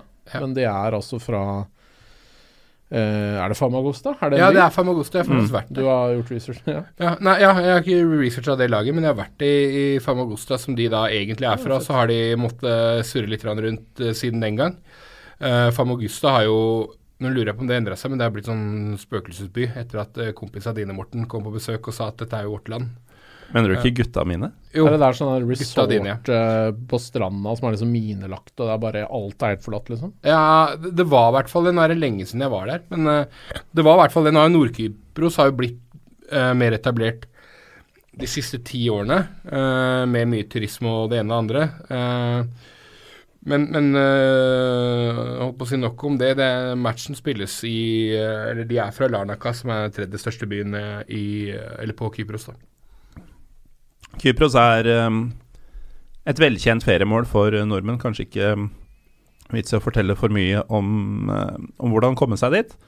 I hvert fall ikke midt i chartersesongen. Heller det begynner vel å bli på hell denne sesongen. Når uh, Nei, det er jo selvfølgelig nå Ja, Ja, de, samtidig som Lillestrøm skal spille. ja, for da er vi i andre runde. Så det Mm. blir da enten 2. august eller 27. eh, 26. Ja. Så flust av muligheter. Det vil koste en del når du ikke har bestilt på forhånd, selvfølgelig. Men um, hvor sjanseløse er Molde her? 50-50, tenker jeg. Det er såpass? Ja, det ville vel jeg også tenkt. Um, men eh, men eh, Molde kan jo egentlig bare Eller Molde, de Den store delegasjonen kan jo nesten bare bestille den turen med en gang. Uh, fordi begge de to lagene her kommer til å, uh, til å gå videre. Jeg, jeg er kanskje enig i 50-50. Uh, de kypriotiske, den, hele den ligaen er bedre enn en man tror. Men var det eh, de som slo ut Olympiakos for en del år siden? Jeg husker i hvert fall at de var i et gruppespill med bl.a. Inter, hvor det lenge så ut til å kunne slå ut Inter og eh, el, eller Jeg tror ikke de er lette å slå der nede. en annen klubb som også var ganske sterk. Ja. eh, De gjorde jo ikke det, men de hadde sjans. Og de har nok et bra lag. Jeg vet bl.a. at Gordon Schildenfeld eh, spiller der. Ja. Eh, gamle kroatiske Kroaten. landslagsspilleren med ordentlig sånn tysk-arisk eh, deilig navn. Ja, det er ganske arisk. Ja. Eh, så, så det er et bra lag, og de endte på tredjeplass i, i den kypriotiske ligaen, som er, uh, som er veldig, veldig bra. Og det, eh, Kypros har stort sett de siste hva er det, seks, syv, åtte årene så har det liksom vært én til to beholdninger i enten Champions League eller Europa League hvert Mm. år for Kypros, så det er bra lag. Nå har vel Anatosis stort sett ikke vært helt oppe på nivå med, med, med, med et par av de andre, men det er nok en litt sånn Molde på sitt beste. Uh, da ville jeg tenkt 50-50 uten at jeg har sett Anartosis uh, spille nylig, da. Men, eh, men bare basert på, Jeg tror også historikk der. Ja. Så deilig sydenferie og potensielt avansement i potten for de tre moldenserne som tar turen. ja. De blir færre og færre jo, ja, jo lenger de kommer. Jeg har ikke vært på, på Kypros, men jeg må si altså det er jo nok et liksom, Det er et historisk sted. Det er ruiner, og det er uh, mye god mat og drikke, og det er mye å se, og så er det strender, og det er jo liksom alt, da. Så hvis du kan dra dit og følge laget ditt, det er en helt gull tur, det. det Ja, den er fin. Det er en øhm, Men jeg, jeg syns nesten Molde bør ha sånn ekskluderingsgreie. At eh, hvis du ikke står på lista over de som kjøpte billett til bortematchen i Nord-Irland, så får du ikke dra til Kypros. For det er, det er litt for digg Ja. å trekke anortosis. Men Molde sleit vel med å selge ut uh, stadion da de uh, arrangerte Champions League-kamper hjemme mot bl.a. Real Madrid. Ehm, så ja. Den stadion er jo Tygg, tygg litt på det. Altså Om 100 år så kommer den stadion i Molde til å stå som et monument for en gal manns verk. Altså Den er altfor svær. Ja. det, det må jo sies.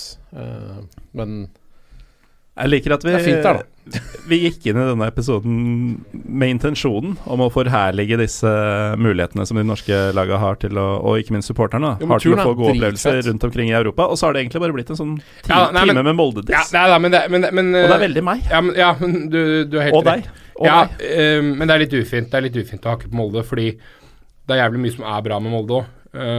det er det. Nevn én ting. Um, Denne Schiller var der. Jeg syns de er gode på å er håndtere vanskelige personalsaker som havner i media og hos andre supportere. Nå må jeg, nå må jeg Ja, nå er det på tide å ta en Nei, nei, nå ble jeg ufint igjen. Men, men eh, Nei. Um, hva som Jo, Nå fikk du masse fans igjen. ja, nei, det, det er vakkert i Molde. Det kan være en positiv greie i Molde. Fin utsikt fra kaia der, over til eh, Vestnes, eller Og over til noen som ikke er Molde. Over til uh, Vestmanøy.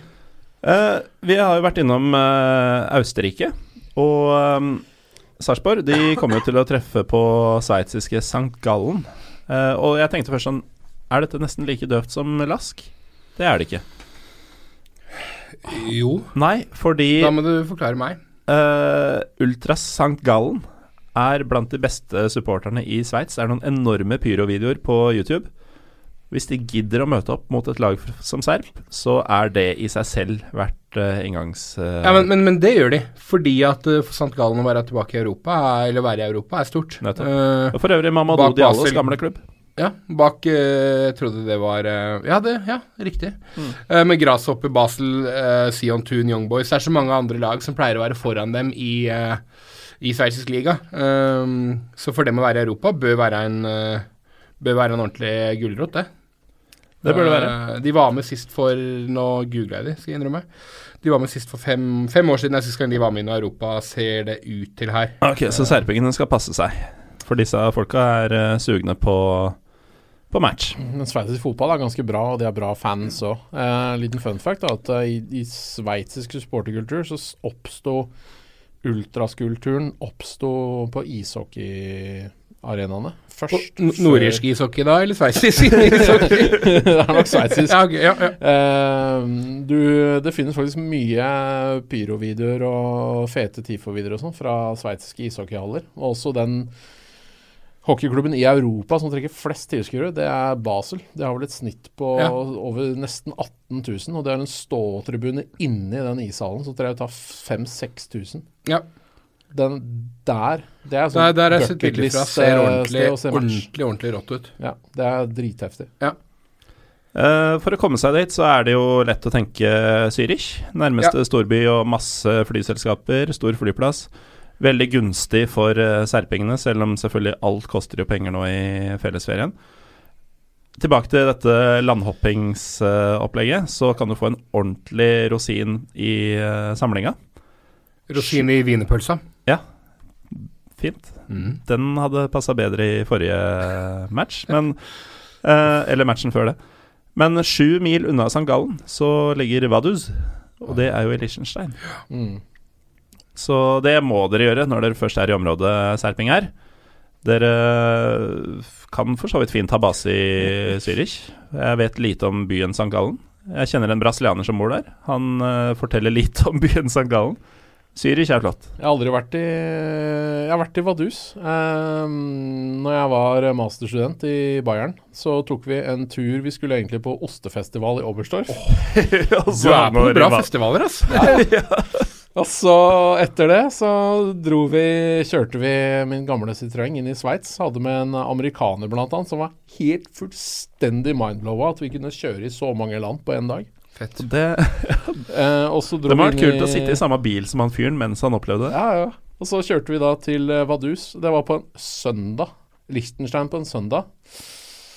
Eh, altså, det er banker overalt, og så har du et universitet hvor man antageligvis eh, underviser hvordan man stikker unna skattepenger. Mm. Og så er det masse fete biler som kjører der, fordi de betaler ikke skatt.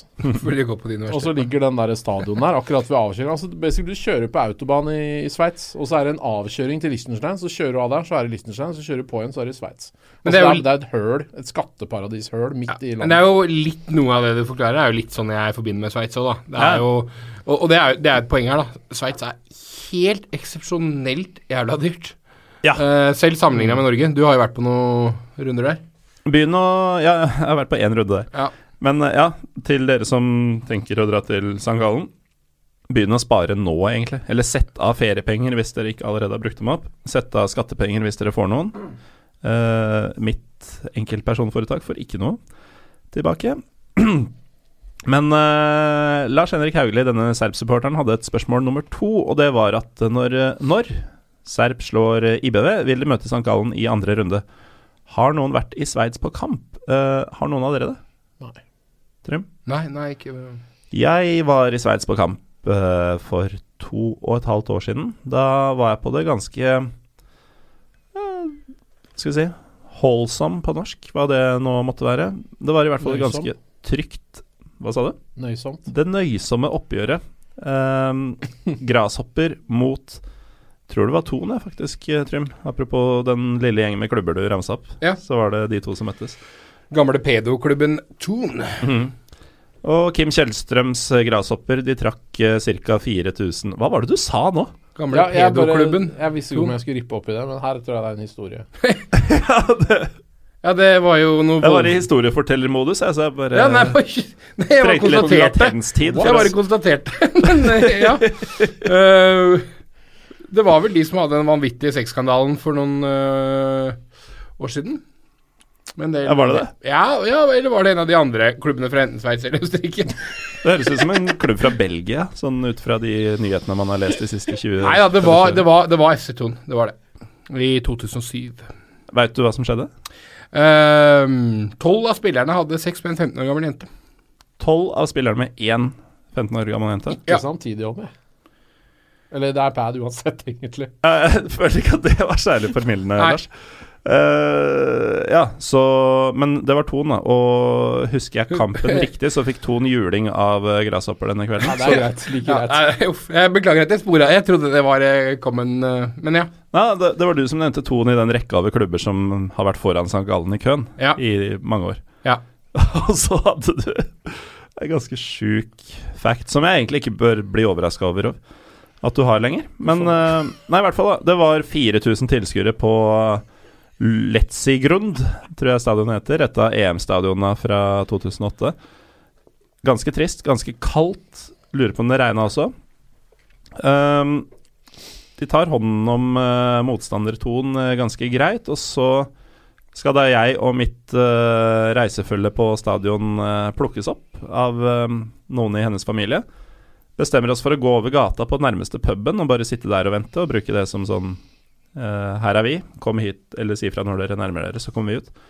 Og så skjer det noe rart, fordi kampen hadde gått veldig gemyttlig for seg. Det var jo ikke noen motstanderfans og grei hjemmeseier. Så kommer plutselig noen av de gutta vi hadde sett fra uh, ståtribunen, som sto med trommer og megafoner og den type ting, stormende inn og skriker et eller annet på sånn høytysk, eller hva det er de snakker i Sveits, og uh, iverksetter da en prosedyre. Dette er noe som har skjedd før, tydeligvis. At eh, de bare Noen bak baren trykker på en knapp, og det kommer sånn jerngitter foran alle vinduene. Og så løper da disse svartkledde gutta med hvite sko inn i noen titall og får låst døra etter seg. Og her, her blir vi bare sittende en stund, da. Uten eh, at det er aktuelt å gå ut.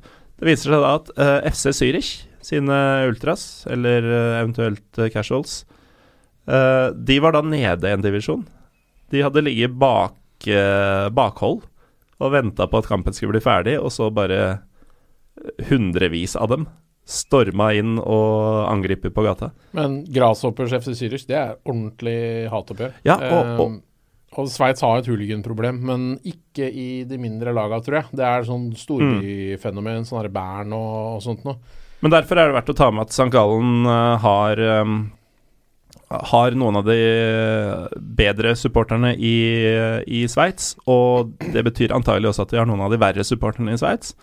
Og det er et nivå på det som du kanskje ikke tenker over, fordi det er et mye mindre land enn f.eks. Tyskland. Da. Men det er eh, Det går hardt for seg der. Ja. Og så er det jo Det er litt med Jeg, jeg har en tendens til alltid mikse Sveits og Østerrike når jeg prater om fotball. Uh, og det er sånn St. Gallen for meg kunne ha spilt i den østerrikske ligaen. Jeg hadde ikke Hadde du sagt det nå, så jeg tenkt ja, det, det stemmer nok. Men, men det er, det er jevnt over et bedre nivå enn man ofte tenker på, fordi at vi ser veldig mye av eh, de to store klubbene fra hvert av lagene, eh, landet, eh, Basel og, og, og de kjære Red Bull. Eh, men, men, men jeg ser Nå, nå bare flekka dem opp, da. Jeg skal ikke påstå at jeg visste det fra før av. Men uh, Tranquillo Barnetta spiller jo i St. Gallen. Det, en, det var en ordentlig fet spiller. Han spiller der nå? Ja, han holder det gående. Oi! Ja da, han gjør det. Um, Karim Hagui. Husker du tunisiske midtstopperen? Vet du hva, jeg um, syns det var så dritt da Emanuel Pogatets kitta han ut av elveren til Hanover for uh, åtte år siden, eller noe sånt. Fordi Karim Hagui, han syns jeg var så fet. Ja. Um, så, øh, dette er jo Nå er jo sikkert begge de to må jo være ja, øh, 16 år gamle. Ja, ganger to og pluss fem. Men, uh, men allikevel, det, det viser på en måte at de har, de har et bra lag. Eh, så den er, den, er, den er tøff. Den er det.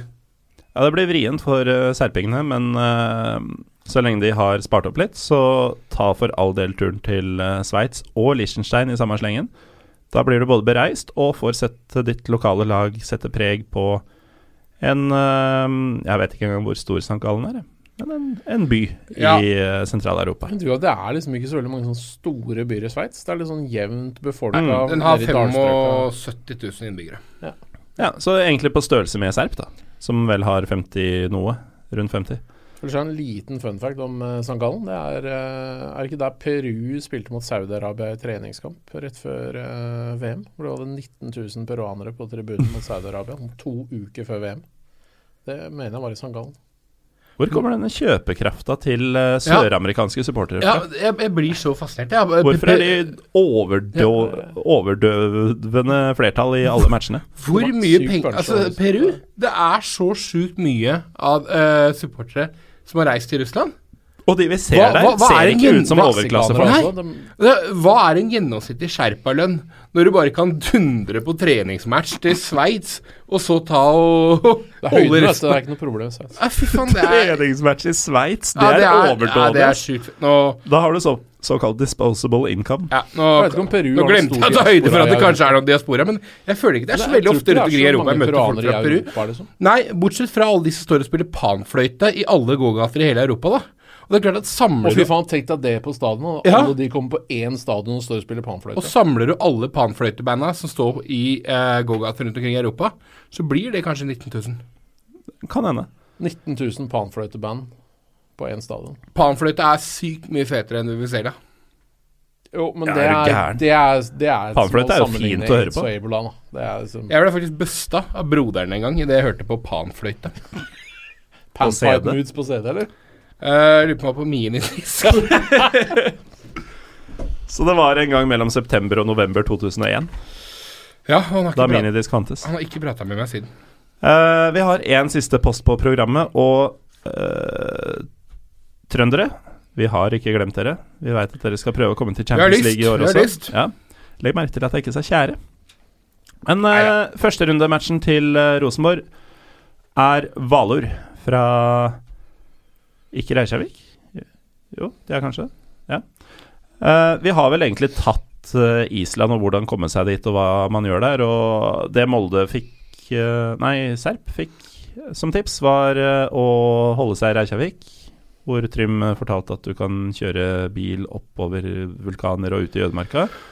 Og parkere fruen på Kan du nevne at. Valur er et vesentlig bedre lag enn det IBV er. De Ja, ja, ja, ble seriemessig med tolv poengs margin i fjor, og leder også nå, så de er desidert best i den islandske ligaen. Mm. Uten at det skal ha noe å si for Rosenborg. Eh, nei, eh, nei, for- Rosenborg skal det ikke det, men de er et bra lag. Og det er litt sånn etter Kauar, som er sånn det virkelig store, så har eh, Så er um, Valur er svære. De har, de har vunnet eh, et islandsk målestokk, da. De har vunnet ligaen over 20 ganger og er stort sett uh, hva skal man si jevnlig med i noen form for europacupkvalifisering. Uh, så de, de leker ikke butikk. Eh, de har bl.a. storheten Birkemar Sær- Sævarsson i, i troppen. Kødder du? Nei da. Så han, han spiller i Valur nå, og han er førstevalg på høyrebekken til et lag som spilte uavgjort mot Argentina. Eh, ja, Shit. den kombinasjonen, og i tillegg så jobber han på ehm, sånn sildefabrikk eller noe sånt. Han står og, ja, men det ikke. Han står og dytter lokk på sånn, for det så jeg faktisk på TV2 eller NRK i en sånn meningsløs reportasje som er nå under VM, om at det bor bare 330 000 på Island. Og da står han på fabrikk og ja, skrur i en bokse med sild eller noe. Mens han bare kjører over Messi. Men Rosenborg slår jo selvfølgelig ut uh, Valur, og da skal de møte vinneren av kampen mellom Celtic og Alash Kert. Ja, de skal møte Celtic. Ja, jeg hører du sier det, men Alash fra Armenia har altså slått ut skotske lag før. Uh, og det var da de debuterte i Europa for tre sesonger siden, da de slo ut uh, St. Johnston over to matcher. Um, ikke at det betyr at de skal slå Celtic nå, men uh, dersom Celtic eh, drar til St. Johnston og høster noen tips om hvordan håndtere Alash så er det fullt mulig. Celtic er mye sterkere nå enn det var for noen år siden. Altså den der, når de hadde den der fadesen med Malmö og Legia og de greiene der, no, noe deilig var det, men Og ikke minst er det sterkere enn St. Johnston var for tre år siden. jo. Men men Le at, eh, Legia, faen, det var det mest provoserende jeg nesten kan huske i fotball. ja, det var ikke Mm. pent, Ja, da- Da, da, husker, husker du det? Ja, Celtic ble grisebanka Ja, i. Warszawa og sikkert i Glasgow. Jeg har alltid vært likegyldig til Celtic, men den sesongen så unna Ja. dem alt vondt. Ja. Nei, Jeg har jo alltid vært bra. litt uh, anti-Celtic, men da ble jeg Fy faen, da fikk jeg bensin på bålet. Mm. Nå brukte jeg banneord, jeg vet ikke om det er lov i det greiene her, Morten. Men Eh, da var jeg provosert, altså. Men, vi eh, veit jo hva som kommer til å skje nå. Rosenborg møter Celtic. Og så kommer norsk media til å begynne å prate ned Celticen, for det er jo bare en sånn der kokosklubb fra Skottland. Um, og så blir det antageligvis to jevne matcher, men jeg tror Celtic har en edge. Celtic er mye bedre nå enn for få år siden. Um, kan ikke si har- det samme om Rosenborg. Nei, eh, så jeg tror eh, altså Det er jo mye å si selvfølgelig at Rangers er på vei tilbake. da, ikke sant? Altså Celtic var jo i ventemodus når de gjorde det dårlig i Europa og de hadde deilig alt dette her sånn, men det, det var jo fordi at de måtte jo skjære ned. fordi uten Rangers der så har de ikke spenn. Nei. Nå er Rangers tilbake og begynner å bygge seg opp igjen. Det er fortsatt et stykke unna. Jeg tror Celtic kommer til å vinne serien eh, i hvert fall to-tre år fram i tid også. Men Mm, nå begynner de å investere. Og det, det de kommer med nå, det tror jeg, jeg tror de kommer til å ta Rosenborg ganske greit over to matcher. Ja, for de er jo litt i Kanskje urettferdig å trekke en altfor bred konklusjon på eh, Basert på, på det Rosenborg har prestert i Eliteserien så langt i år, men Rosenborg ser jo nå ut som at eh, nå, nå, det ser ut som skal gå litt nedover igjen. Og da, Det ser jeg ikke bare fordi at de ikke har eh, levert top notch i Eliteserien, men også fordi at de har bomma på noen signeringer. Rafa, Rafik Zeknini. Zeknini, Uh, som de betalte millioner av kroner for å låne. Og det er, det er sjukt i norsk fotball å betale millioner for lån, men, men greit nok. Men han sender dem hjem nå en måned før tida.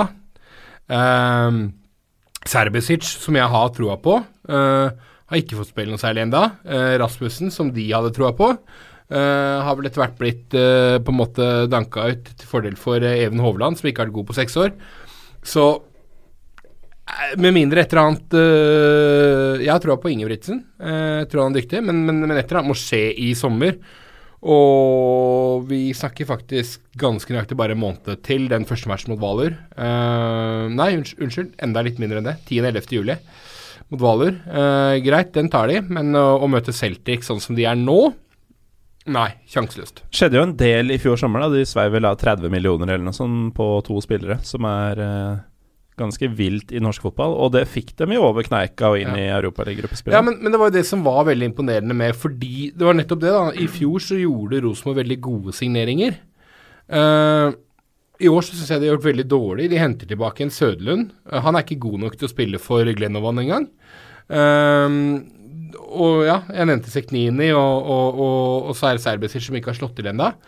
Eh, I fjor gjorde de lure ting. I år ser de ut til å ha gjort dumme ting. I år er en av Altså, det er noen år hvor det lugger for Rosenborg, og da har et annet lag sjans.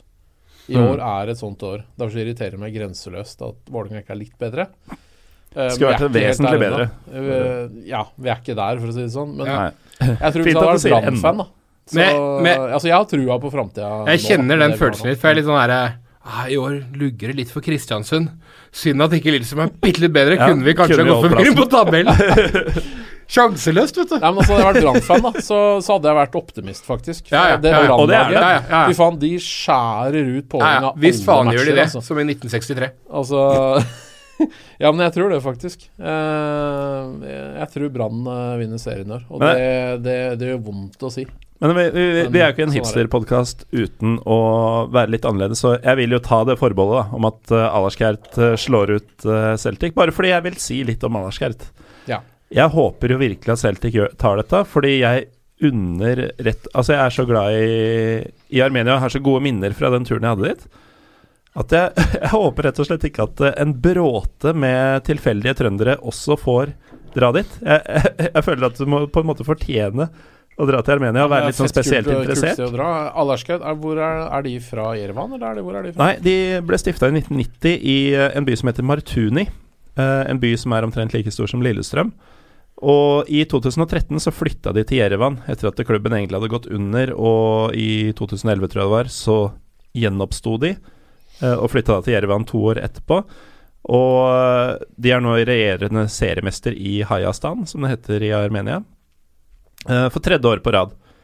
Og jeg nevnte jo at de har slått ut St. Johnston. Det var da i debutsesongen i Europa. Det har vært en stor skam for skotsk fotball for øvrig.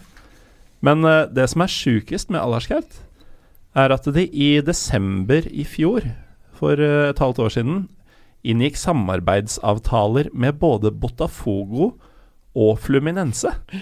Og jeg kan ikke i min villeste fantasi se for meg hva Botafogo og Fluminense får ut av det. Det må være noe businessgreier. Altså, Armenia er jo oligarkland. Um, det, det, jeg kan ikke skjønne hva de skal gjøre sportslig. Altså, det, det landet har produsert én ordentlig spiller, og det er han derre Henrik. Mkhitaryan. Um, men eh, jeg må bare si altså Man bør dra på, på den matchen. Eh, jeg så Vålerenga Ja, ja. mot eh, Mika eh, i Jerevan i 2011. Du har vært der, du òg? Ja. Og vi skal fortelle ting til hverandre etterpå. Ja, ja. Og det mm, Jeg var jo der da som fattig masterstudent. Jeg fløy fra Praha. Tok min eh, pill råtne Citroën. Kjørte fra Bayern til Praha. Hoppa på Czech Airlines. Og det bodde på hostell med femmannsrom og meg og fire svette armenere i juli på et femmannsrom med køyesenger. Det var Eh, ikke Envoy, vel? For jeg også delte rom med fem andre. Jo, Envoy. Var det det? Har vi bodd på samme hostel? I Det er lite fett. Jo, Envoy. Ja, ja. Dæven. De har også en filial i Phnom Penh. Den har jeg ikke vært på, men uh, Tiblisi-varianten er Ja. hakket mer luksuriøs, faktisk. Enn, Nice. Jeg har vært i Tbilisi òg, men da sjekka jeg inn på hotell, fordi Mm. da var jeg ganske svett og møkkete. En annen historie. Da ble det veldig internt her. Men uh, hvordan var fotballturen til uh, Nei, Jerevan? altså det um, Ikke å si om Jerevan, da. Altså det er Flott by. eh, flott Deilig og konjakk. slitent, men eh, deilig konjakk. Uh, Ja, men er ikke det en greie? Ararat, det er Mm. både en fotballklubb Ja. og en konjakk? Det er et Og fjell uh, og et fjell. Ja. som er nasjonalsymbolet til Armenia, men det ligger i dag på den uh, tyrkiske siden. Bare fordi tyrkerne Det er et nasjonalt traume av dimensjoner. Ja. Og det har bygd den nye flyplassen Det i er Jerevan. alt heter det. Så er i Mm. avgangshallen Så har de panoramavinduer ut, så du kan sitte mens du venter på flyet, så kan du sitte og se på Ararat oh, ja. i panoramavindu, og det er i Tyrkia. Så det er sånn der, det er der, men du kan ikke komme dit, liksom. Ja, og det, det må jo være den eneste hovedstaden i verden, så vidt jeg kan tenke meg, hvor du sitter i hovedstaden til et land og ser inn i Og, og du trenger ikke være på en Du trenger ikke være høyt opp. Du kan være nesten hvor som helst i byen og se inn i eh, de fiendtlige naboland. Ja. Det er fascinerende. Men alle land ehm, Det er et eller annet, på en måte, eh, hvor, hvor, gjør at alt heter det samme, er bra land. Det er et veld, jo, men det er veldig Som sheriff? Ja, det er en veldig enkel analyse. Hvis alt heter det samme, så er det antakeligvis et jævlig fett land. Og det mangler jo veldig i Norge. ikke sant? Det er jo som at Tenk om, tenk om Rosenborg, Ringnes og Ja, nå har det Statoil blitt et navn, men Rosenborg, Ringnes og Statoil alle sammen skulle hete Kebnekaise eller et eller annet. Bare sånn, Det var greia. Alt heter det samme. Det er så fett. Ja, det, er, det er et åpent Er ikke det et fjell som er altså. stjålet fra oss, Morten? jo. Er Nei, det er, det er faktisk noen områder Det er noen film som er stjålet fra Norge. Men vi, vi har et mye mer avslappa forhold til det. Jeg er ikke så hypp på å få tilbake Jämtland. Jämtland er jeg. Og Herjedalen. Ja, men ja, Herjedalen. Og- Men, men ok, da var Kebnekaise kanskje det er Ja, men. Kebnekaise da var kanskje litt på tynn is, da. Eh, Kanskje det er bare Jeg tar, jeg tar høyde for at jeg var på tynn is. Men om alt sammen i Norge het Jämtland, hvor fett hadde ikke det vært? Hadde Rosenborg het Jämtland. Ja. TV 2 heter Jämtland. Og, og, og sånn er det jo i Armenia. Sånn som sheriff i eh, Tiraspol. Ja, nettopp. Mm. Eh, Mercedes-butikken, ja, ikke bare i Tiraspol, ikke bare i Tiraspol, men hele Transnistria. Hele Transnistria heter et Nettopp. eller annet med sheriff. nettopp ja. Vi er for øvrig ikke ferdig med Moldova. Vi er ikke tilbake, ferdig med Moldova, vi vi, vi skal jo til Transnistria også. Jeg er så keen på å reise til Transnistria. Ja, men vet du hva? Ja, dra, dra til Moldovas. Det er så billig at den betaler deg for å kjøpe ting. Det er, altså, du, du går i en slags sånn minus minus er pluss-greie. Det er så billig. Og folk er så innmari hyggelige. Dra til Moldova. Sjokkerende bra nivå på engelsken på de vi møtte, vel å Ja, merke. Som så er det en er annen de ting som har råd til å dra. Ehm, det beste av pikene fra Romania møter det beste av pikene fra uh, Ukraina. God analyse. Ja. For øvrig, mul god mulighet til å pense inn på Armenia hvis du skal prate om piker. Eh, Ja, jeg må på. bare nevne at altså, For dette er jo faktisk Altså, vi satt på et sånn utested i liksom, sikkert den sånn beste delen av Jerevan. da. Det er sånn der, eh, inch, falsk innsjø og masse restauranter, og der hvor liksom alle de der eh, rike folka i Jerevan dro. Mm. Det var grisevillig grisebillig, da. Sevan? Jeg husker ikke hva det het. Jeg bare husker vi betalte sånn tolv kroner for en jordbærmojito eller noe sånt noe. Det var helt latterlig. Bare satt og bælma jobben mitt. Og, eh, da, men altså Jentene som var med oss, de norske jentene eh, Det var en av de som sa det først. At bare sånn derre Hva er det med damene her, liksom? For at alle ser ut som Kim Kardashian. Og det er et annet med at når de går ut, så doller de seg skikkelig opp. Og det kommer liksom med de sinnssyke gallakjolene. Mannfolka. No fucks given. Mhm. Altså, Det låter serbisk, Trym. ja, det er serbisk, ass. Det Det, er fyr, så serbisk, det. Han har en sykt fin dame, og så Ja. kommer han med utvaska rød pikéskjorte. Adidas-jockeybukse med sånne knapper nedover Oi. låret på sida. Det har jeg ikke sett på 23 år. Og joggesko. Det var hans outfit, da. Men, men, men serberne har jo faktisk tatt patent på den stilen der. Mm. Det er, eh, ja, det, er- det er helt Vær nydelig. skalla, litt tjukk, men sterk, og Ja. gå med joggebukse og skinnjakke. Men det er egentlig slavisk greie. Du kan google Gopnik, og så, så får du på en måte en slags forklaring på det der. Ja, er Fascinerende. altså Damene var råflotte. Mannfolka så ikke ut i måneder sin. Hvis jeg hadde vært trønder Det må være et eh, forvirrende land å være bifil i. jo, men jeg bare tenker at er det For da er det jo allerede Ikke sant, det å være Du bifil er liker bare greit. extremes? Ja, jo, alle men ja, det å være bifil er helt greit, det. Vi er i 2018, så det er ok. Ja, men Eh, hvis du er det i Serbia. Ja. Hvis du er det i Armenia eller Serbia, så er det sånn På den ene siden av koldtbordet har du bare sinnssykt mye bra mat, og på den andre så er det bare helt jævlig. Ja, sånn First Price knekkebrød som gikk ut i forrige fjor. Ja. Det er lett valg, ass. Ja. sånn.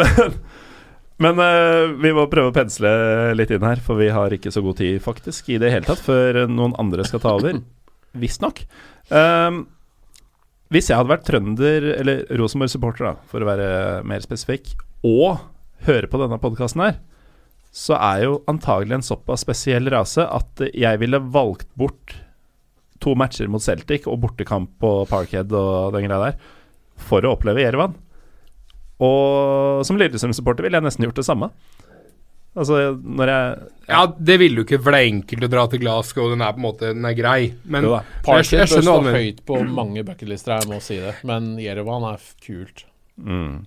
Ja, men, Men- jeg, jeg har ikke vært i Armenia, men jeg har vært i Glasgow. Uh, Du skulle vært i Armenia. Jeg skulle. Uh, jeg døde den uh, Den helga vi skulle reise. Uh, eller den, ja. Ja, det, var- det, det er tøft. Eh, men jeg kom meg heldigvis. uh, men, men Glasgow er en fet by, det. Uh, men, men har ikke Rosenborg møtt Celtic liksom sånn? Ja, de har Jo, møtt det flere også. ganger Jeg føler at de har møtt hverandre Jeg føler at Rosenborg og Celtic møtes hvert tredje år. Men du har alltid de der du, du har alltid noen som ikke var der for tre år siden, og så bare Å, fy faen, det hadde vært fett. Ja, men kanskje det kan skje igjen. Og så skjer det igjen. Men er du plassert blasert Rosenborg-fan som har vært på Parken før, da, så bør du i hvert fall dra til Armenia. Ja, i hvert Ja. fall. Men, men, men nå tegner vi jo et veldig fiktivt bilde. Kan det, det blir jo ikke et alternativ. Nei, men jeg, jeg, jeg, jeg, kan jo men- men- nevne hvis Men du eh, burde håpe at det blir Armenia. Ja. Det er vel det vi egentlig sier. Hvis uh, månen står akkurat på riktig sted på himmelen, og Venus gjør seg sterkt gjeldende, og dette skjer, da, så um, kan vi jo da nevne bare sånn som en siste bisetning at til Armenia, som er en tidligere sovjetstat som grenser til Hør på dette Georgia, Tyrkia, Armenia Nei, eh, Aserbajdsjan og Iran. Hør så eksotisk det er. Mm, mm. Du trenger ikke visum engang. Du kan bare kjøpe flybilletten og dra, og ingenting koster noe. Ja. Lars, eh, nå skal vi avslutte, men du er jo Vålerenga-fan. Det vet jeg ikke om vi nevnte tidligere. Trym og jeg har jo knapt vært ute av landet i forbindelse med Lillestrøm-kamper. Du har vært på en del, faktisk, med Vålerenga. Eh, et av få områder vi misunner deg på. Mm. Eh, og du må jo ha noen eh, skrøner eh, derfra? Ja, en del skrøner. Ehm, hvis du skal ta litt sånn do's and don'ts, da. Ja, det er jo- lurt. Det har vi ikke gjort så mye av. Nei. En don't uh, Men vi har gjort mye don'ts, altså sånn tidligere. ja. En ja, du og jeg har gjort mye don'ts. er jo um, Jeg har en uh, vi spilte mot PAOK Vi har jo møtt PAOK uh, faktisk To av de tre siste kampene til Vålerenga i Europa er mot PAOK. Jeg er jo Skap-Pak-fan, bare så det er nevnt. Ja. Og jeg har bare veldig lyst til å være Nettopp. Så jeg sto jo og heide på Pauk da de møtte Lyn, blant annet. Ja, ja mot Lyn. har møtt Lyn også, Ja. Ja, for mot Vålerenga Ja. så hadde det ikke vært det som drev deg til å holde med Nei, der hadde det vært dobbel motivasjon, ass. Eh, Nei, Um, altså Pauk, bra struktur, god klubbeier. Vi har jo en egen episode om det til de som ikke den historien der. Mm. Eh, altså, når vi flyr dit Altså, jeg reiste jo med mm, Faktisk på charterturen med, med laget. Uh, og sant, De selger ut resten av plassene i flyet til fans da, liksom, for å finansiere turen litt. Eh, vi blir booka inn på et litt sånn resorthotell på en sånn høyde utafor byen, uh, hvor det er veisperring med væpna politi og én vei inn og ut. Så de var ganske nøye på sikkerheten. Men du verdens gjestfrie folk. Altså, de er dritkule. Er Grekerne? Ja, det er helt fantastisk. Og det eh, Særlig hvis du klarer å treffe noen som holder med det andre laget der du er. For Aris, ja. vi vandra inn i en Aris-eid pub og drakk jo stort sett gratis hele kvelden. Men Mine er fienders fiender er mine venner. Uh, men uh, det som er don't, ikke trekk deg full på kasino i utlandet, nødvendigvis. Eh, det gjelder nesten uansett hvor du drar. ja, Og om det er fotball involvert. Ja, det er et godt, godt tips. For min romkamerat, en veldig veldig god venn av meg, han dro på kasino. Jeg dro også på kasino. Greia er I eh, I Tessaloniki. Og Ja. så lenge du spiller, så drikker du jo gratis. Eh, så liksom tipser du med skjetonger, og så bare kommer de med drinker hele tida. Så det er jo lett at det går av skaftet, da. Mm. Det er jo en ganske god businessplan for de. Så jeg dro hjem tidlig for jeg var trøtt osv. Så, videre, så kompisen min blei vel til sånn der 5.60 om morgenen. Jeg hørte etterpå at han og noen andre hadde liksom sittet fast i rushtrafikken i morgenrushet i Thessaloniki i taxi hjem fra det Ja, kasinoet. det er pent. Det er pent. Og spydd over autovernet på motorveien og så videre. Men eh, så jeg våkner da sånn ved titida, og så ligger han ved siden av meg helt utslått i bokser og skjorte. Så buksa hans ligger på gulvet, og så er det eurosedler overalt. Altså det er 10 og 20 eurosedler ligger liksom i brystlomma hans og i senga sammenkrølt og, eh, og sånt noe. Og så vekker jeg ham, og så samler vi sammen dette. Han konkluderer at han hadde vært på kasino hele natta. Så han vinner jævlig mye spenn, da. For han er jo han er ganske dreven blackjack-spiller, så det er ikke helt usannsynlig. Så da drar vi på byen, og han spanderer jo, ikke sant? for han har jo vunnet Han har liksom 5000-6000 i pluss, da. Innbiller meg at denne historien bærer mot at han på et tidspunkt sjekker kontoen sin. Ja. Det han har tatt ut i minibank på kasino.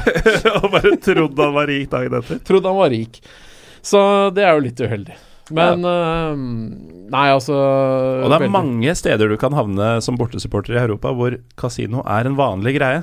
Ja. Og som nordmann, da, så er det litt sånn der Oi, kasino! Jeg må inn! Jeg har også vært på kasino Romania med Kjetil Rekdal, blant annet. Åssen uh, gikk det med han?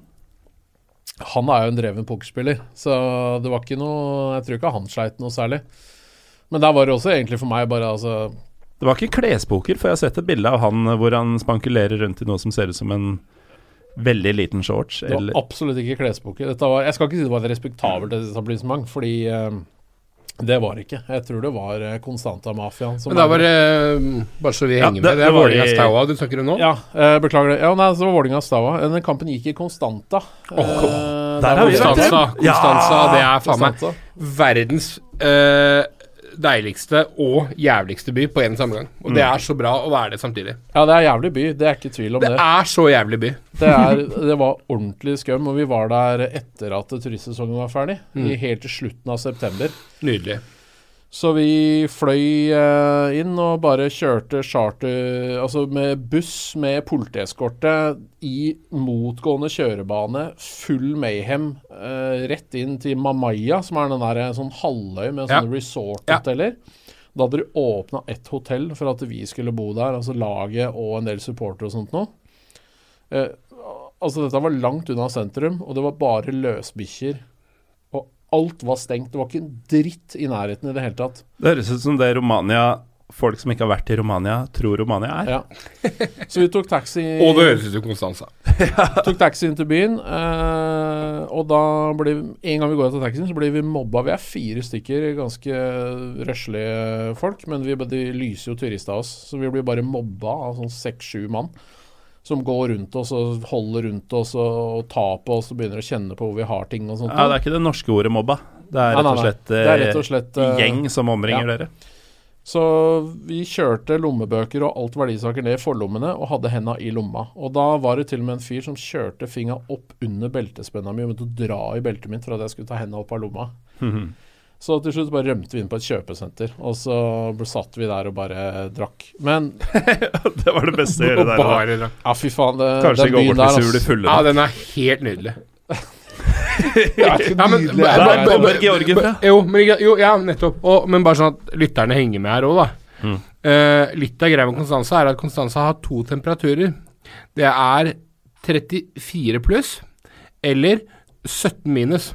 Det kan aldri være noe annet. Ja, og med sånn CNN feels like, så er ikke de 17 minus 17 minus. Nei, de er, Det er så 33 kalde. minus. Det er den kaldeste byen jeg noensinne har vært i. Og jeg har vært på Lillehammer og en del andre funky steder. Altså. Der satt vi og så en Det er så kaldt der. Men på sommeren Ja. så er det palmetrær og bare helt sjukt nydelig. Jeg så at det kunne være Dette er Svartehavet. Liksom. Men altså dette, ja, det er Svartehavet. Mm. Vassa i Svartehavet var litt kult, da. Mm.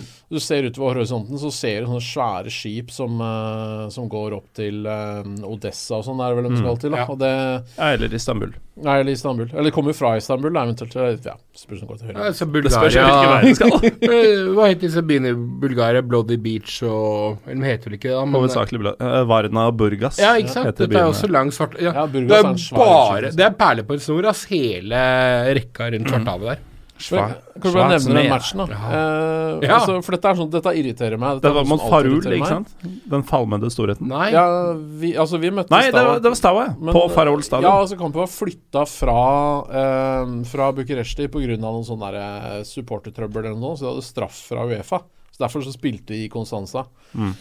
På uh, Georgie Haji stadion, het den da, var hjemmebanen til Farul. Uh, jeg tror ikke han heter det nå. For jeg tror Nei, Farul fins i praksis ikke lenger. Nei, ok. Men det, det gjorde de da, og det, da var det gratis inngang da, for hele byen. Så da var det altså um, Den ene svingen var full av Farul-fans, og den andre svingen var full av Staua-fans, så vi sto på hovedtribunen. Og begge svingene heia på Staua. Eh, sier jo litt om standingen til den klubben, eh, kanskje.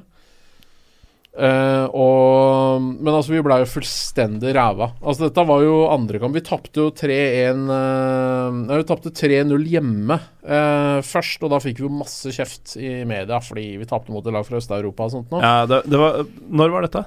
Da var det 2005, så vi Så kvalifiserte fortsatt inn en eh, alt som ikke er England, eventuelt Bundesliga-serien, er bak bakgårdsligaer. Ja, det var mye penger i norsk fotball og sånt nå. Eh, men pluss at vi stilte jo et litt sånn eh, B-lag. I 2005 fordi- tjente Khaled Moelli 4 millioner kroner for å innkassere LS. Ja, det er ikke helt sant. Men Det er verdt uh, 2007 han fikk den kontrakten. hver krone. Ja, han bygget seg opp til den i 2005. Men eh, altså, Rekdal For det første så stilte vi et juniorlag, fordi, eller sånn delvis fordi at Rekdal protesterte mot NFF. Eh, Rekdal er litt sta. Ja, eh, Rosenborg fikk flytta en seriekamp eh, for å tilrettelegge for å spille i Europa, og så ble vi nekta for akkurat det samme. Så ble Rekdal sur, og så stilte vi juniorlag, tapte 3-0. Der skjønner jeg faktisk eh, Kjetil Rekdal. Ja, altså egentlig så For at det, det var jo bare eh, Og Vålerenga. Det var ikke noen grunn til det. Eh, annet enn at uh, det var Jeg vet ikke hvorfor. Jeg. Men uh, vi tapte 6-1 sammenlagt. Det var ikke grisehjuling av et lag. Altså Det var liksom Mirel Radoy i midtforsvaret til Altså Han var Han var, han var god, han. han, Ja. han var Nå skulle lytterne sett Trym da du nevnte det. Ja, jo, men er det laget der for, for, Du ble salig, du. Og så Banel Nicolita på Banel Han- Den lille sigøyneren på Han høyrekanten. ræva oss Ja, men altså, Baner Nicolita kunne vært en så sjukt stor spiller. Eh, så skal ikke jeg si her hvorfor han ikke var det. Men han er den Han var første liten av vekst, da. Ja, og, og han er den minst eh, attraktive fotballspilleren som noensinne har tjent penger på å spille fotball. Altså, han er så gjennomført lite vakker, da. At ikke engang eh, moren hans på en måte kunne Men det som er fett med Nicolita, er, Nicolita, er at han er den første Han første sigøyneren, og jeg tror fremdeles kanskje den eneste, som faktisk har spilt for det rumenske landslaget. Og det er litt kult. Um, fordi at det var veldig uh, Sigøynere er på en måte ikke nødvendigvis en del av eliten i, i Romania, da. Uh, Eller Bulgaria, eller Serbia, eller Kroatia. eller Karl Johan. eller- ja. uh, men Banen Nikolica, jævlig undervurdert spiller. eh, og det laget Vålerenga møtte den gangen, det var jo knallbra. Ja, det var dritsterkt. Men eh, på den tida så var det liksom all, all østeuropeisk motstand var liksom bare Vi så ned på dem, da. Eh, men jeg hadde jo veldig respekt for dem, men jeg fikk jo ikke mindre respekt etter det. For det, videre, da, så gikk da Staua til gruppespillet. Da vant de sin gruppe i Uefa mm, i gruppa der, foran Lans, Hertha Berlin, Sampdoria og Halmstad. Og så slo de ut Hærenfeen, Real Betis Og da var Hamstad regjerende seriemester, vel? Ja. I Sverige. I Sverige, Og da var de gode. Ja. Og så slo de ut Rapid Bucuresti i kvarten. var Byderby i kvartfinalen. Fy faen, tru! Oh, ja, men, jo, men Det er derfor jeg ble så ivrig når han nevnte det. Ja, men, men, men, men, men, men, men, Vi var jo på et uh, derby som var skadeskutt, ja, ja. og det var dritfett. Ja, det er så bra. og så men, Rapid, tenk deg før det ble skadeskutt, og i europeisk kvartfinale. mm, og Rapid, ikke minst. Altså, Rapid er jo også litt sånn som Farul, at de nesten ikke finnes lenger. Så det var jo da altså, jeg må si, De gikk helt til semifinalen. Da tapte de 3-4 sammenlagt for Middlesbrough, som da vel hadde Juninho og det der laget de hadde da. Jeg kan ikke huske at Middlesbrough ikke hadde Juninho. Nei, fra, fra min oppvekst. Om, om, det var, om, om det var 95 eller 2010 det er, Nå var jeg ikke i oppveksten min i 2010, men Men han det sier dro. litt om arroganse i norsk fotball, at det var dårlig å ta Ja. mot det laget der. Men Juninho dro, og så kom han tilbake. Vet du. Det var det som skjedde. Ja. Fordi familien hans hadde det så hyggelig der. i Nordøst-England Ja, Hvor sjukt. jævlig er ikke det? Men det var grunnen. Det er ikke kødd engang. Ja. Jeg har sett et par byer i Nordøst-England eh, opp igjennom, og det er ikke verdens beste sted. Nei, ikke Nei. Men det er ikke familien til Juninho ennå. Enig. Men uh, vi er nesten uh, nødt til å gi oss. Men uh, jeg tenker at nå skal jeg ta dere litt på senga her. Eh, det er kanskje ikke det lureste jeg kan gjøre. Men eh, Lars, du som har reist mest i Europa, får lov til å begynne. Så kan Trym og jeg tenke litt på våre svar. Eh, reis mest i Europa med klubblaget ditt, vel å merke. Nummer én Hva må du gjøre, og hva må du ikke gjøre, uavhengig av sted? Hvordan oppfører man seg i Europa? Altså, det er jo For det første må jeg si at du blir ikke tatt like seriøst, tror jeg, hvis du er norsk supporter som kanskje supporter fra en del andre land. Fordi folk generelt liker nordmenn uansett. Men det er bare å ha normal folkeskikk. Smil og være grei. Um, ikke lefle med sånne lokale issues, kan du si. Hvis du er nordire, ikke gå rett opp og spørre en fyr om han er katolikk eller protestant. Uh, hvis du er i i Tyskland ikke nevnt krigen med det første. eh, sånne, sånne ting. John Cleese-råd? Ja, ja, ba, ba, bare ikke vær kjip, liksom, så, så, så går det helt greit. Det, mm, du skal være litt varsom, eh, fordi det, det eneste som egentlig er risikoen for deg som nordmann, er at eh, du kan bli sett på som en vandrende minibank. Altså, Mm. Jeg kjente litt på det bl.a. i Jerevan. Jeg gikk rundt der ale- aleine i noen sånne mørke bakgater og sånt noe. eh, Hvor det blant var en bil som kjørte forbi meg og hadde rulla ned vinduet med fem skinheads, tror jeg det var i, eh, som, som ropte noe til meg som jeg ikke skjønte. Jeg tenkte bare Det var en test. nå bør jeg gå litt fortere. Eh, ikke sant? Altså, Mm. ikke så Bruk sunt folkevett, så kommer du ganske langt, vil jeg si. Mm. Det var både en do og en don't. Ja. Ikke vær drittsekk, og um, vær fornuftig. Ta litt høyde Ja. for æreskultur, som er en del av Mm. disse landa. Sett deg gjerne litt inn i uh, hvor du skal, egentlig. Uten at det skal prege deg voldsomt, da, selvfølgelig. Det er jo Ja, nå skal ikke jeg blande meg inn. Trym, uh, du og don't favoritt når du er ute og reiser? Ja, jeg, jeg glemte jo det i stad, eh, basert på min islandserfaring, men du nevnte jo en del ting som man ikke skal gjøre i Irland, Nord-Irland. Eh, det er én ting du faktisk ikke skal gjøre på Island, for da havner du i, i et jævla helvete. Og det er å kødde med de der uh, dvergene av noen hester de har, disse islandshestene. Hvis du snakker negativt om dem i Island, eller ler av de, fordi de er jo bitte små, liksom. Det er sånn halvponni. Liksom. Ja, det er som en puddel av meisa en hest, liksom. Det er helt sjukt. De er jo bitte små. Det må du ikke kødde med, for da blir islendingene dritsure, og det er ikke kødd engang. Men øh, det er jo en del andre steder hvor kanskje Hvor det er andre temaer som også er litt heftig. Og eh, en ting som jeg Nå har jeg jo etter hvert faktisk, eh, som du nevnte, Morten, ikke fått sett fugla på de turene, men jeg har vært mye rundt i Europa. En ting som jeg tror at nordmenn ofte gjør øh, det er det der å prate om hvor dyrt alt er i Norge og, og litt sånn, og, og, og det er egentlig litt ufint. For det vi egentlig i parentes da gjør, er å snakke om hvor mye penger vi har. Og realiteten er for det første uh, Forskjellene er ikke så store lenger i Europa som de var. Uh, ja, kanskje med Armenia og noe sånt noe. Men jeg var i Estland her om dagen, holdt jeg på å si. Jeg svidde fint av 3000 kroner på middag. Uh, så, så sånn er det ikke lenger. Og det, og det virker litt sånn ovenfra og ned. Så ikke kom med de greiene om at i Norge er det sånn og sånn. Ja, men ikke bare er det ufint, men det gjør jo Det er også til en potensiell sky- skyteskive da, Ja. for det som Helt, Lars helt, helt riktig. Så, så, så bare dropp den, det er et tips. Eh, en annen ting er Hvis jeg bare kan nevne en, en Ja, kjapp ting om det. på. For at vi skulle spille mot Ekranas en gang, fra Litauen. Litauen, ja. Det er et fett land, det.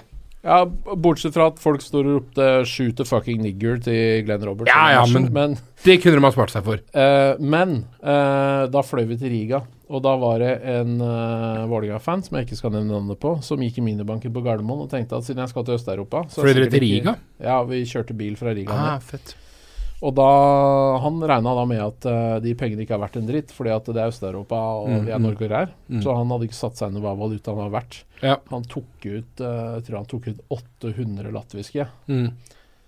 Jeg vet ikke hvor mye det, Var ikke det sånn, der, sånn 10 000 kroner eller noe sånt i, i, i Norge? Det var det sinnssykt mye spenn. Ja. Uh, så ikke, altså, som du sier, altså ikke liksom se ned på, på andre folk fordi ting kanskje er billigere eller noe sånt noe. Mm, mm. Nei, er definitivt enig i den. Um, um, um, og så er det vel kanskje også et, et um, Nå har vi jo blitt veldig på den med den uh, måten å reise på at vi er veldig på den delingsøkonomien. Det er, det er Airbnb, og det er uh, gjerne Uber og andre ting. Og dette her er fantastiske greier, så hvis du kan, uh, i hvert fall på fotballtur Og nå snakker jeg ikke bare om Europa, men på fotballtur generelt sett. Uh, drit i det jævla hotellet, og så kjør på, uh, kjør på Airbnb. Der har vi hatt mye suksess, Morten. Det har vi. Eh, nå har jeg hørt noen skrekkhistorier eh, om det, og du har ikke helt de samme rettighetene med Airbnb eh, som med et hotell, nødvendigvis. Eh, du vil si noe om det? Nei, jeg bare sier at hvis du bare huker av når du bestiller på Superhost, så veit du at du får en bra vert, og da Ja. er ikke det et problem. Ja, men altså selv en superhost kan plutselig ikke kunne være i stand til å leie ut leiligheten sin av en eller annen grunn. Ja. Jeg tror det er veldig sjelden, og jeg har aldri opplevd det. Du har aldri opplevd det. Um, Lars, har du vært noe særlig på Airbnb? Har reist en del med Airbnb, særlig i USA. Har det noensinne gått til helvete? En gang i Denver så fikk vi en leilighet som var veldig støvete. Men dere fikk en leilighet å bo i? Fikk en leilighet, ja ja, det var ikke noe stress. Det er bare at uh, mange av disse leilighetene er permanente utleieleiligheter, selv om de ofte Ja. ikke ser sånn ut på Airbnb. Så det kan hende du ryker på en hvor det liksom har vært mye folk inn og ut hele tida, og det er kanskje Mm. et eller annet eiendomsselskap som ikke tar så veldig nøye vare på den. Men jeg har aldri opplevd å ikke få tak over huet eller noe sånt. Nå. Det har alltid vært greit. Trym og jeg var jo farlig nær i uh, Bucuresti. Ja. um, Vi hadde jo egentlig Vi hadde jo fått Ja, ja. nøkler og sånn. ja, vi hadde, vi hadde fått leiligheten, og det var jo veldig fet leilighet. Bare massiv brannfarlig, men det er, det er en annen sak. uh, men veldig fin leilighet. Og så hadde vi fått nøkler, og alt var happy go lucky. Dro ut og um, hadde det hyggelig. Så en fotballkamp. Uh, Morten drakk seg veldig full, og jeg eh, ble sikkert dratt med i dragsuget. Den dagen var vi ikke så veldig fulle, faktisk. Nei, alt er relativt eh, når du prater om, om eh, alkoholkonsum. Men vi kommer tilbake til leiligheten klokka ett på natta, og så viser det seg det at uh, han luringen som har leid den ut til oss, han har gitt oss nøkkelen, og det er bra, men det er en kode for å komme inn. Uh, I blokka. ja. Og, og siden vi har vært på Eller Morten har vært på fylla, og jeg har hengt meg med hele dagen. eh, så, så var det lenge siden vi hadde vært der. Det var første, første dagen. Og, og mobilen min er gått tom for strøm. Så øh, jeg får ikke lada den på gata i Bucuresti i pissregnet der sånn klokka ett-to om natta, eller hva det var da. Uh, og vi har et problem, og, og det er egentlig vi fram til med den, med den storyen, som du egentlig nå satte meg litt opp til, er det at når dere reiser sammen, så er det et veldig godt reisetips er det at øh, For det er gjerne én som har bestilt hotellet eller Airbnb eller hva det måtte være. Som har kontakt eh, Ja. og informasjon om osv. Sørg for at alle i reisefølget i gruppa har all den infoen. Det er et veldig godt reisetips. Eh, Alt fra transport til hvor du skal hen. eh, Og spesielt nå når vi da Vi prater jo Oss tre prater jo gjerne mye om Øst-Europa og litt mindre Eller litt mer grisgrendte strøk. Det er et veldig godt råd. Sørg for at alle i, i følget har Uh, all den infoen om, om hvor man skal være, og kontaktpersoner osv. For det som skjedde der Vi er jo vi er så avhengig av mobilen. Det som skjedde, var at jeg hadde ikke mobil. Uh, Morten hadde ikke infoen. Ta med nødlader. Fordi også når du roamer i utlandet, så bruker du mye mer strøm enn du gjør her hjemme. Ja. Fordi telefonen skifter nettverk hele tida. Hvis Ja. du da har alt kontakt på Airbnb, så plutselig så har du død telefon. Da er du Mm. fucked. Det er selvfølgelig et strålende tips, men uh, en ting som vi må nevne, Trym, i den situasjonen, er at uh, jeg hadde jo strøm. Så vi fant jo heldigvis et sted som var åpent i nærheten av der vi skulle bo, med wifi, så vi hadde muligheten til å kontakte omverdenen. Men eh, det er jo i 2018 ikke bare å logge ut av en Gmail, f.eks., og inn på en annen. Nettopp. Nettopp. For det var jo et helvete. Ja, ja. Så jeg prøvde da å logge inn på min e-postkonto for, for å finne de mailene og for å få kontaktinfo til landlord osv., men det var ikke mulig, at da var det et eller annet med at den loginen aksepterte den ikke Ja, Du måtte få tilsendt en SMS med sikkerhetskode og Ja, sånn. fordi det, det var- det ene og andre. Det var eh, Ja. Så summa summarum, sørg for at alle i, gruppe, i reisegruppa har, eh, har all infoen. Det er, det er bra det er et bra reiseråd til, til dere fire fra Molde som skal til uh, Glennevan. Jeg tror det er tre nå. Det er tre nå. Mm. Hva heter byen igjen? For det heter jo ikke Glen. Nei, den har jeg har lagt bort uh, Det hørtes nesten ut som Durham, men det var ikke det. For Nei. det ligger jo utafor Nei, det var et kontroll, uh, kontrollspørsmål. Den heter Lurgan. Lurgan, Lurgan, ja, men da skjønner du hva jeg mener. Ja. Når jeg sier Durham, så veit du hvor jeg skal hen. Ja. Men uh, totalt sett tre apper skråstrek nettsteder dere må kjenne til når dere skal ut og reise, uavhengig av om det er med deres klubb nå i sommer, eller på fotballreise i høst, eller bare på reise. Skyscanner. Ja. Airbnb. Sky, kan du kanskje nevne hva det er? Skyscanner, der sammenligner du masse forskjellige måter å fly til et sted på, og kan ta utgangspunkt i det for å, for å finne den billigste og beste måten å komme seg fra A til B, eller F i våre tilfeller. Um, Airbnb har vi jo dekka med vårt snakk, og Uber. Ja. Er det mer? Ja, det, ja, jo, men ja, ja, men i hvert fall dere app-nerds må jo uh, jeg, jeg føler ja. ikke at Untapped er noe du trenger for å overleve på tur. Ja, det hjelper. Ja, det, ja. Men, men disse da, ja, uh, Groundhopper-appen appen og andre ting for dere som Mm. er litt mer på sosiale medier og Ja, apper enn meg. Hvis du veit at du har kontroll på stedet, så er kanskje der Ja, men- fokuset bør ligge. Men en, en, etter i stad, jeg var i Estland for et par eh, Eller for halvannen uke siden, og øh, øh, Jeg hadde håpa fugla skulle havna i Tallinn. Jævlig fet by. Men øh, jeg vil bare komme med et kjapt eksempel på det. Det er ikke en veldig interessant historie, men det er bare et veldig godt eksempel på det med Uber kontra taxi. Jeg er der med, med min kjære utvalgte, eller eh, ja. Eh, og vi tar en taxi et sted. Det koster fem-seks euro et eller annet, og så tar vi taxi tilbake, eh, samme tidspunkt omtrent. Da koster det plutselig 20 euro. Jeg veit at nå blir jeg rævpult. Skjønner du, ikke sant? Jeg Mm. veit at han dusten som nå har sittet godstakka med oss og vært hyggelig, han taxisjåføren Nå kjører han meg bakfra. Ganske heftig. Mm. Og du liker det ikke? Nei. Du er ikke eh, sånn anlagt? Jeg setter ikke noe sånn veldig pris på det, i hvert fall. Og da har jeg to alternativer. Jeg er en ganske seig type, så jeg kan godt begynne å krangle med han og si at uh, ikke kom her og tøys med meg, fordi at jeg uh, er ikke noe veldig glad i det. Men da skal jeg sitte der på ferien i baksetet sammen med fruen min eller en eller annen reisekompis og være idiot og krangle og la dette påvirke meg. Det er det ene alternativet. Det andre alternativet er å bare være litt sånn Kall det typisk norsk. Ja, greit. øh, Det kosta fem ganger dette, men jeg kjører på, jeg. Og det er dritirriterende. Det er jævlig irriterende. Uansett hvem av de to løsningene du velger, så er ikke det en hyggelig løsning. Og det er det, det, er jo det som er så jævlig genialt med, med Uber, er jo at du veit på forhånd hva du betaler. Det er ikke noe, det er ikke noe mikkmakk. Det er ikke noe kødd.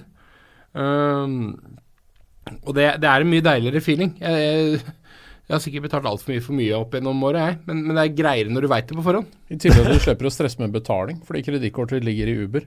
Ja. Så Ja. du, du trenger ikke Du setter deg inn, og så går du ut når du er ferdig. Med betaling. Du bare går ut når du er ferdig, og så blir du fakturert tilbake. Ja. Og det er alltid innafor den rangen du blir forhåndsvist. Jeg har aldri opplevd å bli overfakturert eh, Nei. på Uber. Nei, Ja, og, det, og det er bare i noen land Som regel under, hvor det er en range.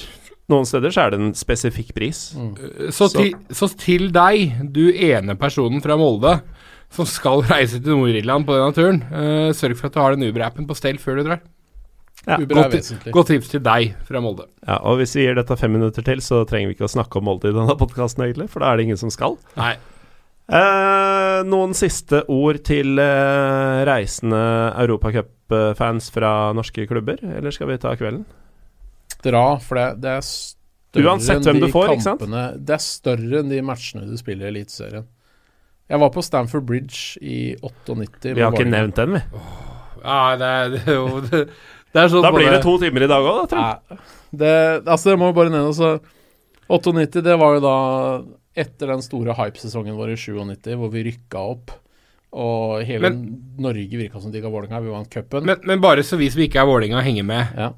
Når dere drar til Stamford Bridge, er det Dere er nyopprykka i Eliteserien. Vi har nyopprykka Eliteserien. Er det Besjiktas? Er det etter Hva, Besiktas, hva, hva Altså, først, altså, det var det Rapid Bucuresti, som vi slo ut ganske greit. Vi hadde et sinnssykt lag på den tida. Så Da dere var vi slo ut ganske greit som nyopprykka. Ja, Dette var det året dere tapte 5-1 hjemme mot Lillestrøm. gjorde du det? Det har jeg glemt. Ja, Det husker jeg godt. Jeg 4-1 i ja, 98, 5-1 i 99. det kan stemme, det. Nei, omvendt. De der matcha mot Lillestrøm var helt kaos på den tida der. Eh, Jeg har ikke nevnt Mahmoud Diallo ennå, men, eh, Vi skal ikke det heller. Eh, selv om vi var farlig nære nå. men det var 99. Men eh, ok.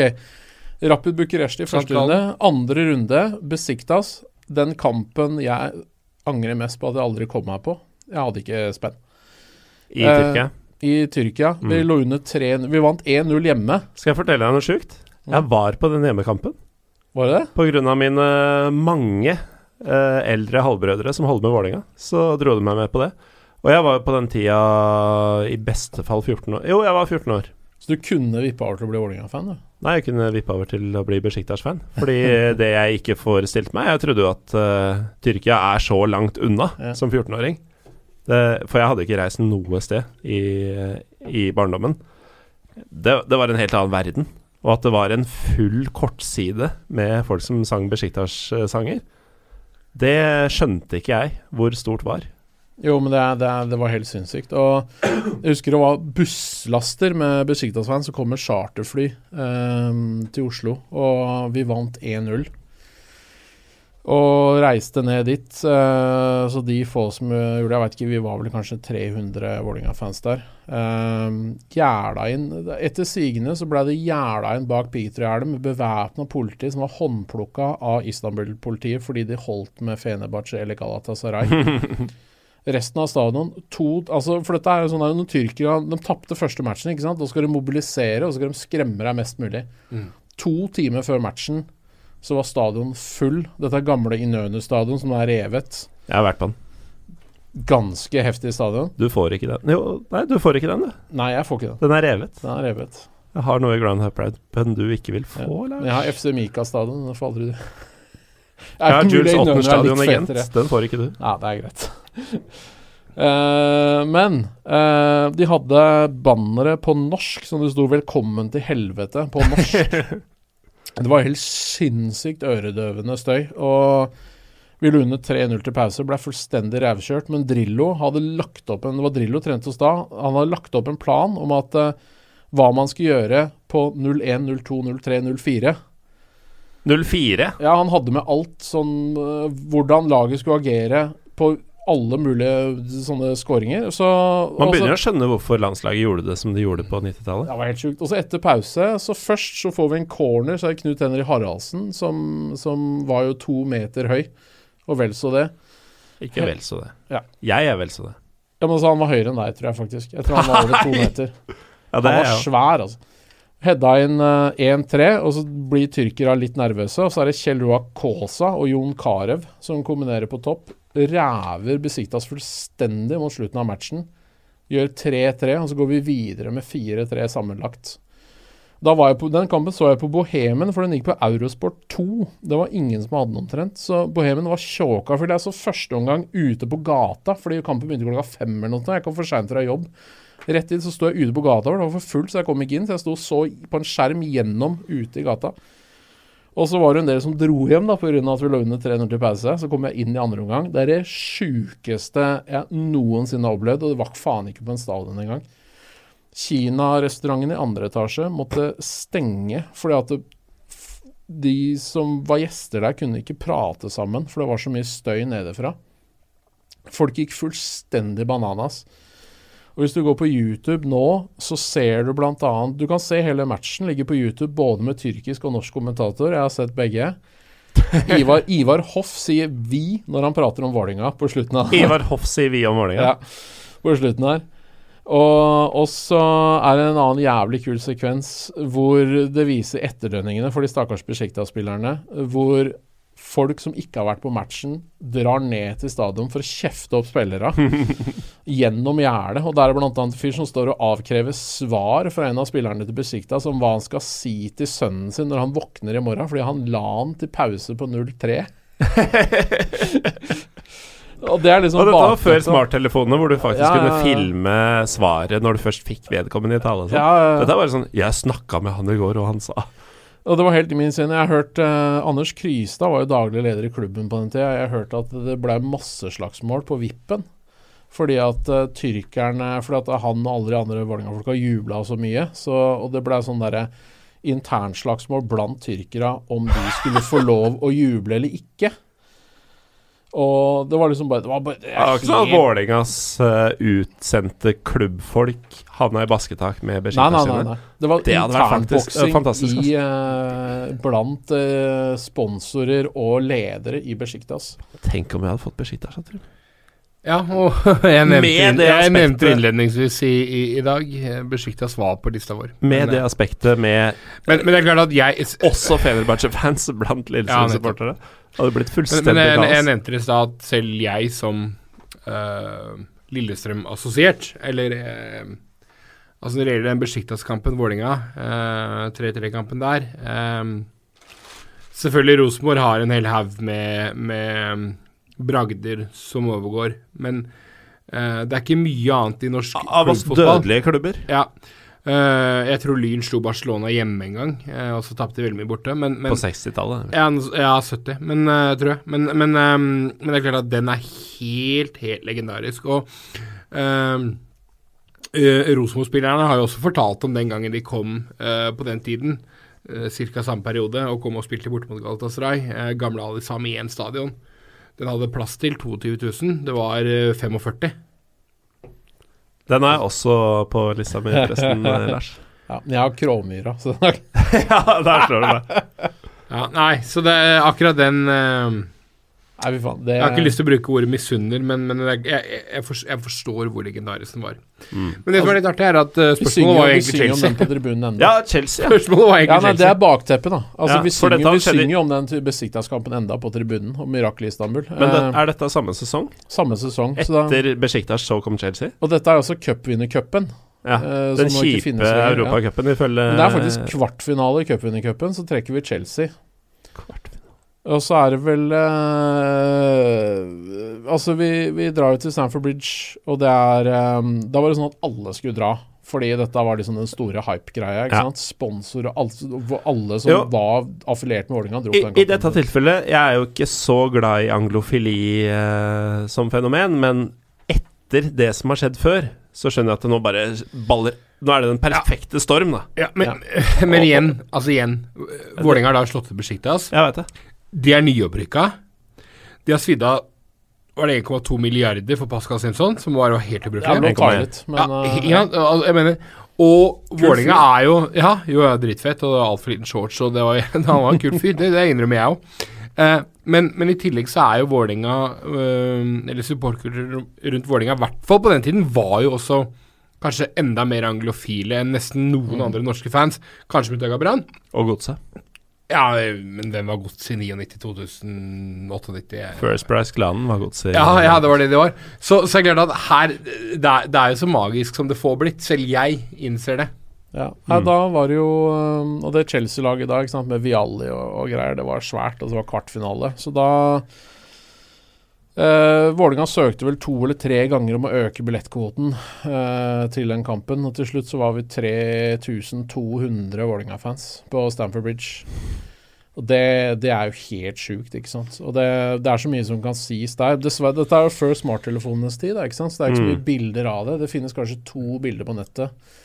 Men jeg vet, altså selv vi tapte jo 3-0. Eh, sånn Ibrahima Bakayoko, eh, han Nigeria-bekken eh, Nei Celestin Babayaro. Babayaro. Ja, Celestin ja, Bala- Celestin Balayaro, beklager. Ja. Han, Ibrahim eh, Bak- Bakayoko skåra ikke et mål i hele karrieren Nei, etter at eh, han kom til England. ikke. Han eh, ræva oss fullstendig. Men uh, på tribunen så mm, Vi hadde jo den der greia med at vi gjorde sånn der kumelkebevegelse og så hjemme og sokke kua og greier, ikke sant? Aldri lagt merke til. Nei.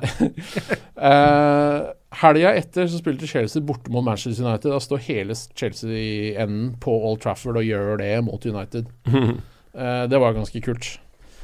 Eh, I tillegg så det var mye rart som skjedde der. Vi kan uh, ta en liten historie. At eh, det er en i Vålinga-familien, som jeg ikke skal nevne med navn, som var veldig aktiv i en av de hardeste firmaene i London på 70-80-tallet. En Vålinga-fyr som var Ja. eh, det.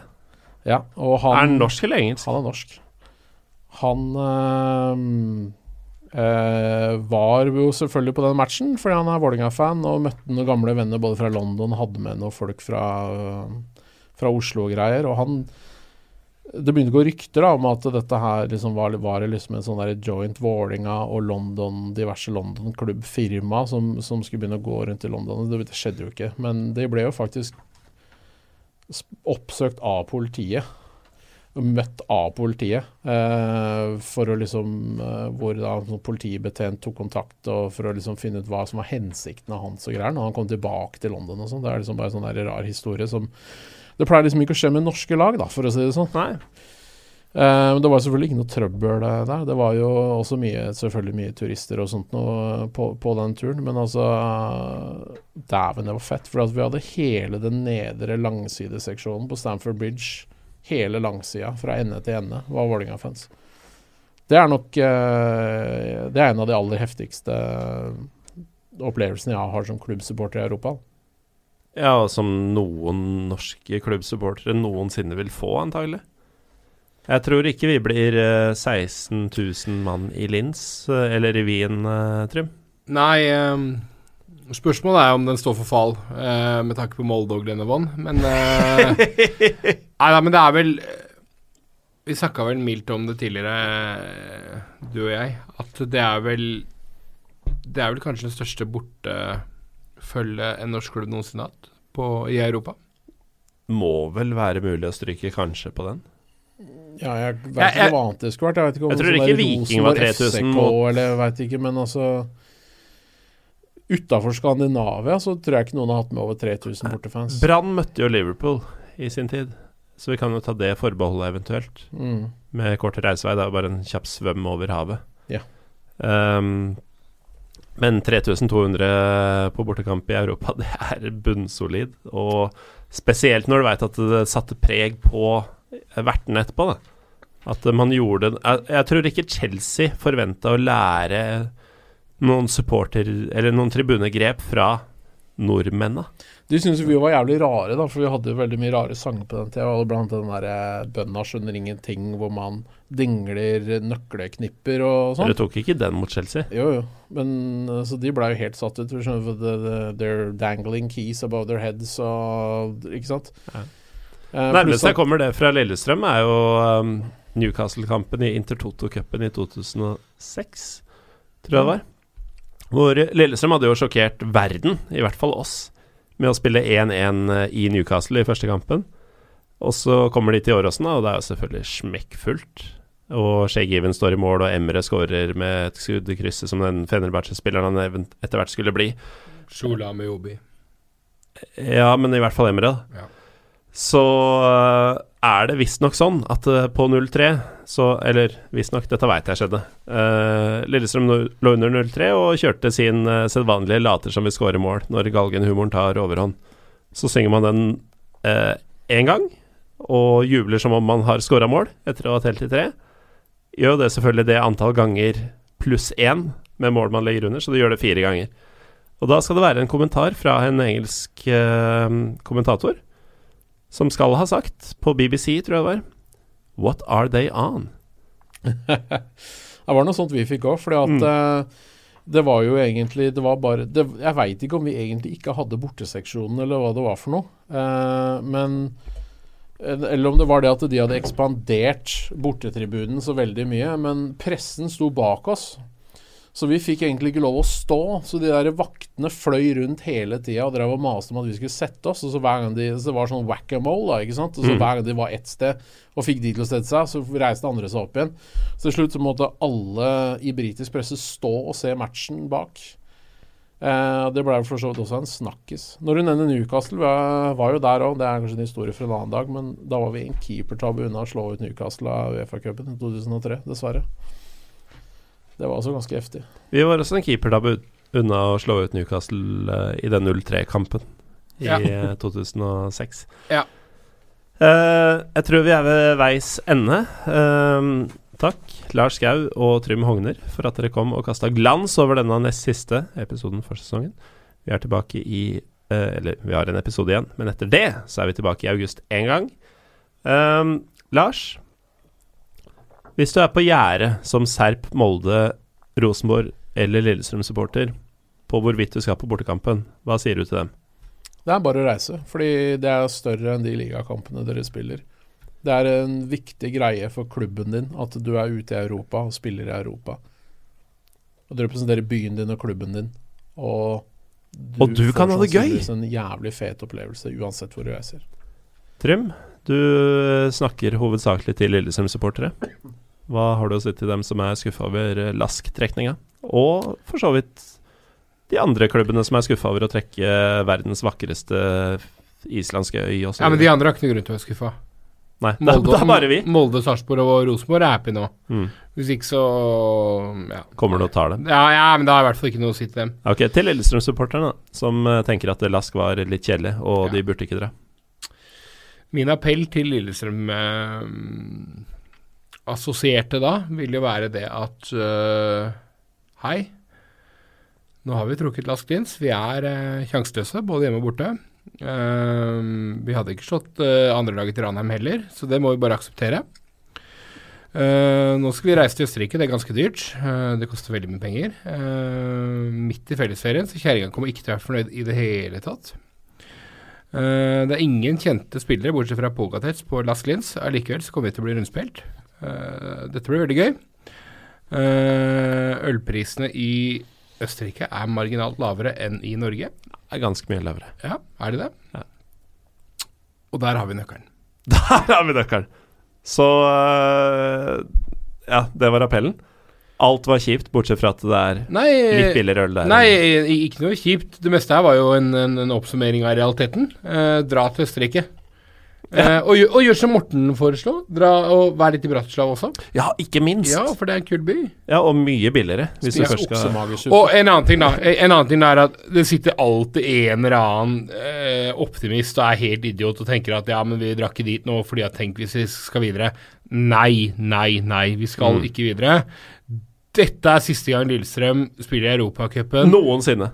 Ja, kanskje noensinne, men i hvert fall på ti år. Jeg har fulgt klubben i 20. Med unntak av Royal League, som ikke teller, så er det tre ganger på den perioden vi har vært med i noen form for Europa. Uh, og det er ti år siden sist. Så hvis du er superoptimist, kan du tenke at uh, 2028 er neste gang. Uh, hvis du er realist, så er dette siste gang noensinne eh, du har muligheten til å se Lillestrøm spille i Europa. Så reis. Takk igjen, eh, Lars Skau og Trym Hogner, for at dere kom. Jeg heter eh, Morten Galaasen. Følg gjerne Pyro og Pivopod på Twitter og Instagram. Lik gjerne Facebook-siden vår Pyro og Pivo. Lars! Jeg ser du uh, la bort uh, mikrofonen din, men du skal få rope én ting inn i mikrofonen før, du, før vi gir oss. Bør man som Serp, Rosenborg, Molde eller Lillestrøm-supporter dra på bortematch i Europa? Ja, for faen! Trym, bør man bla, bla, bla på bortematch i Europa? Uh, ja. Nei, jeg tenkte på du, Ja, jeg ville ikke at uh, verken Rosenborg, Sarpsborg eller Lillestrøm skulle bli assosiert med Molde-supportere, men uh, ja. Og jeg sier også ja.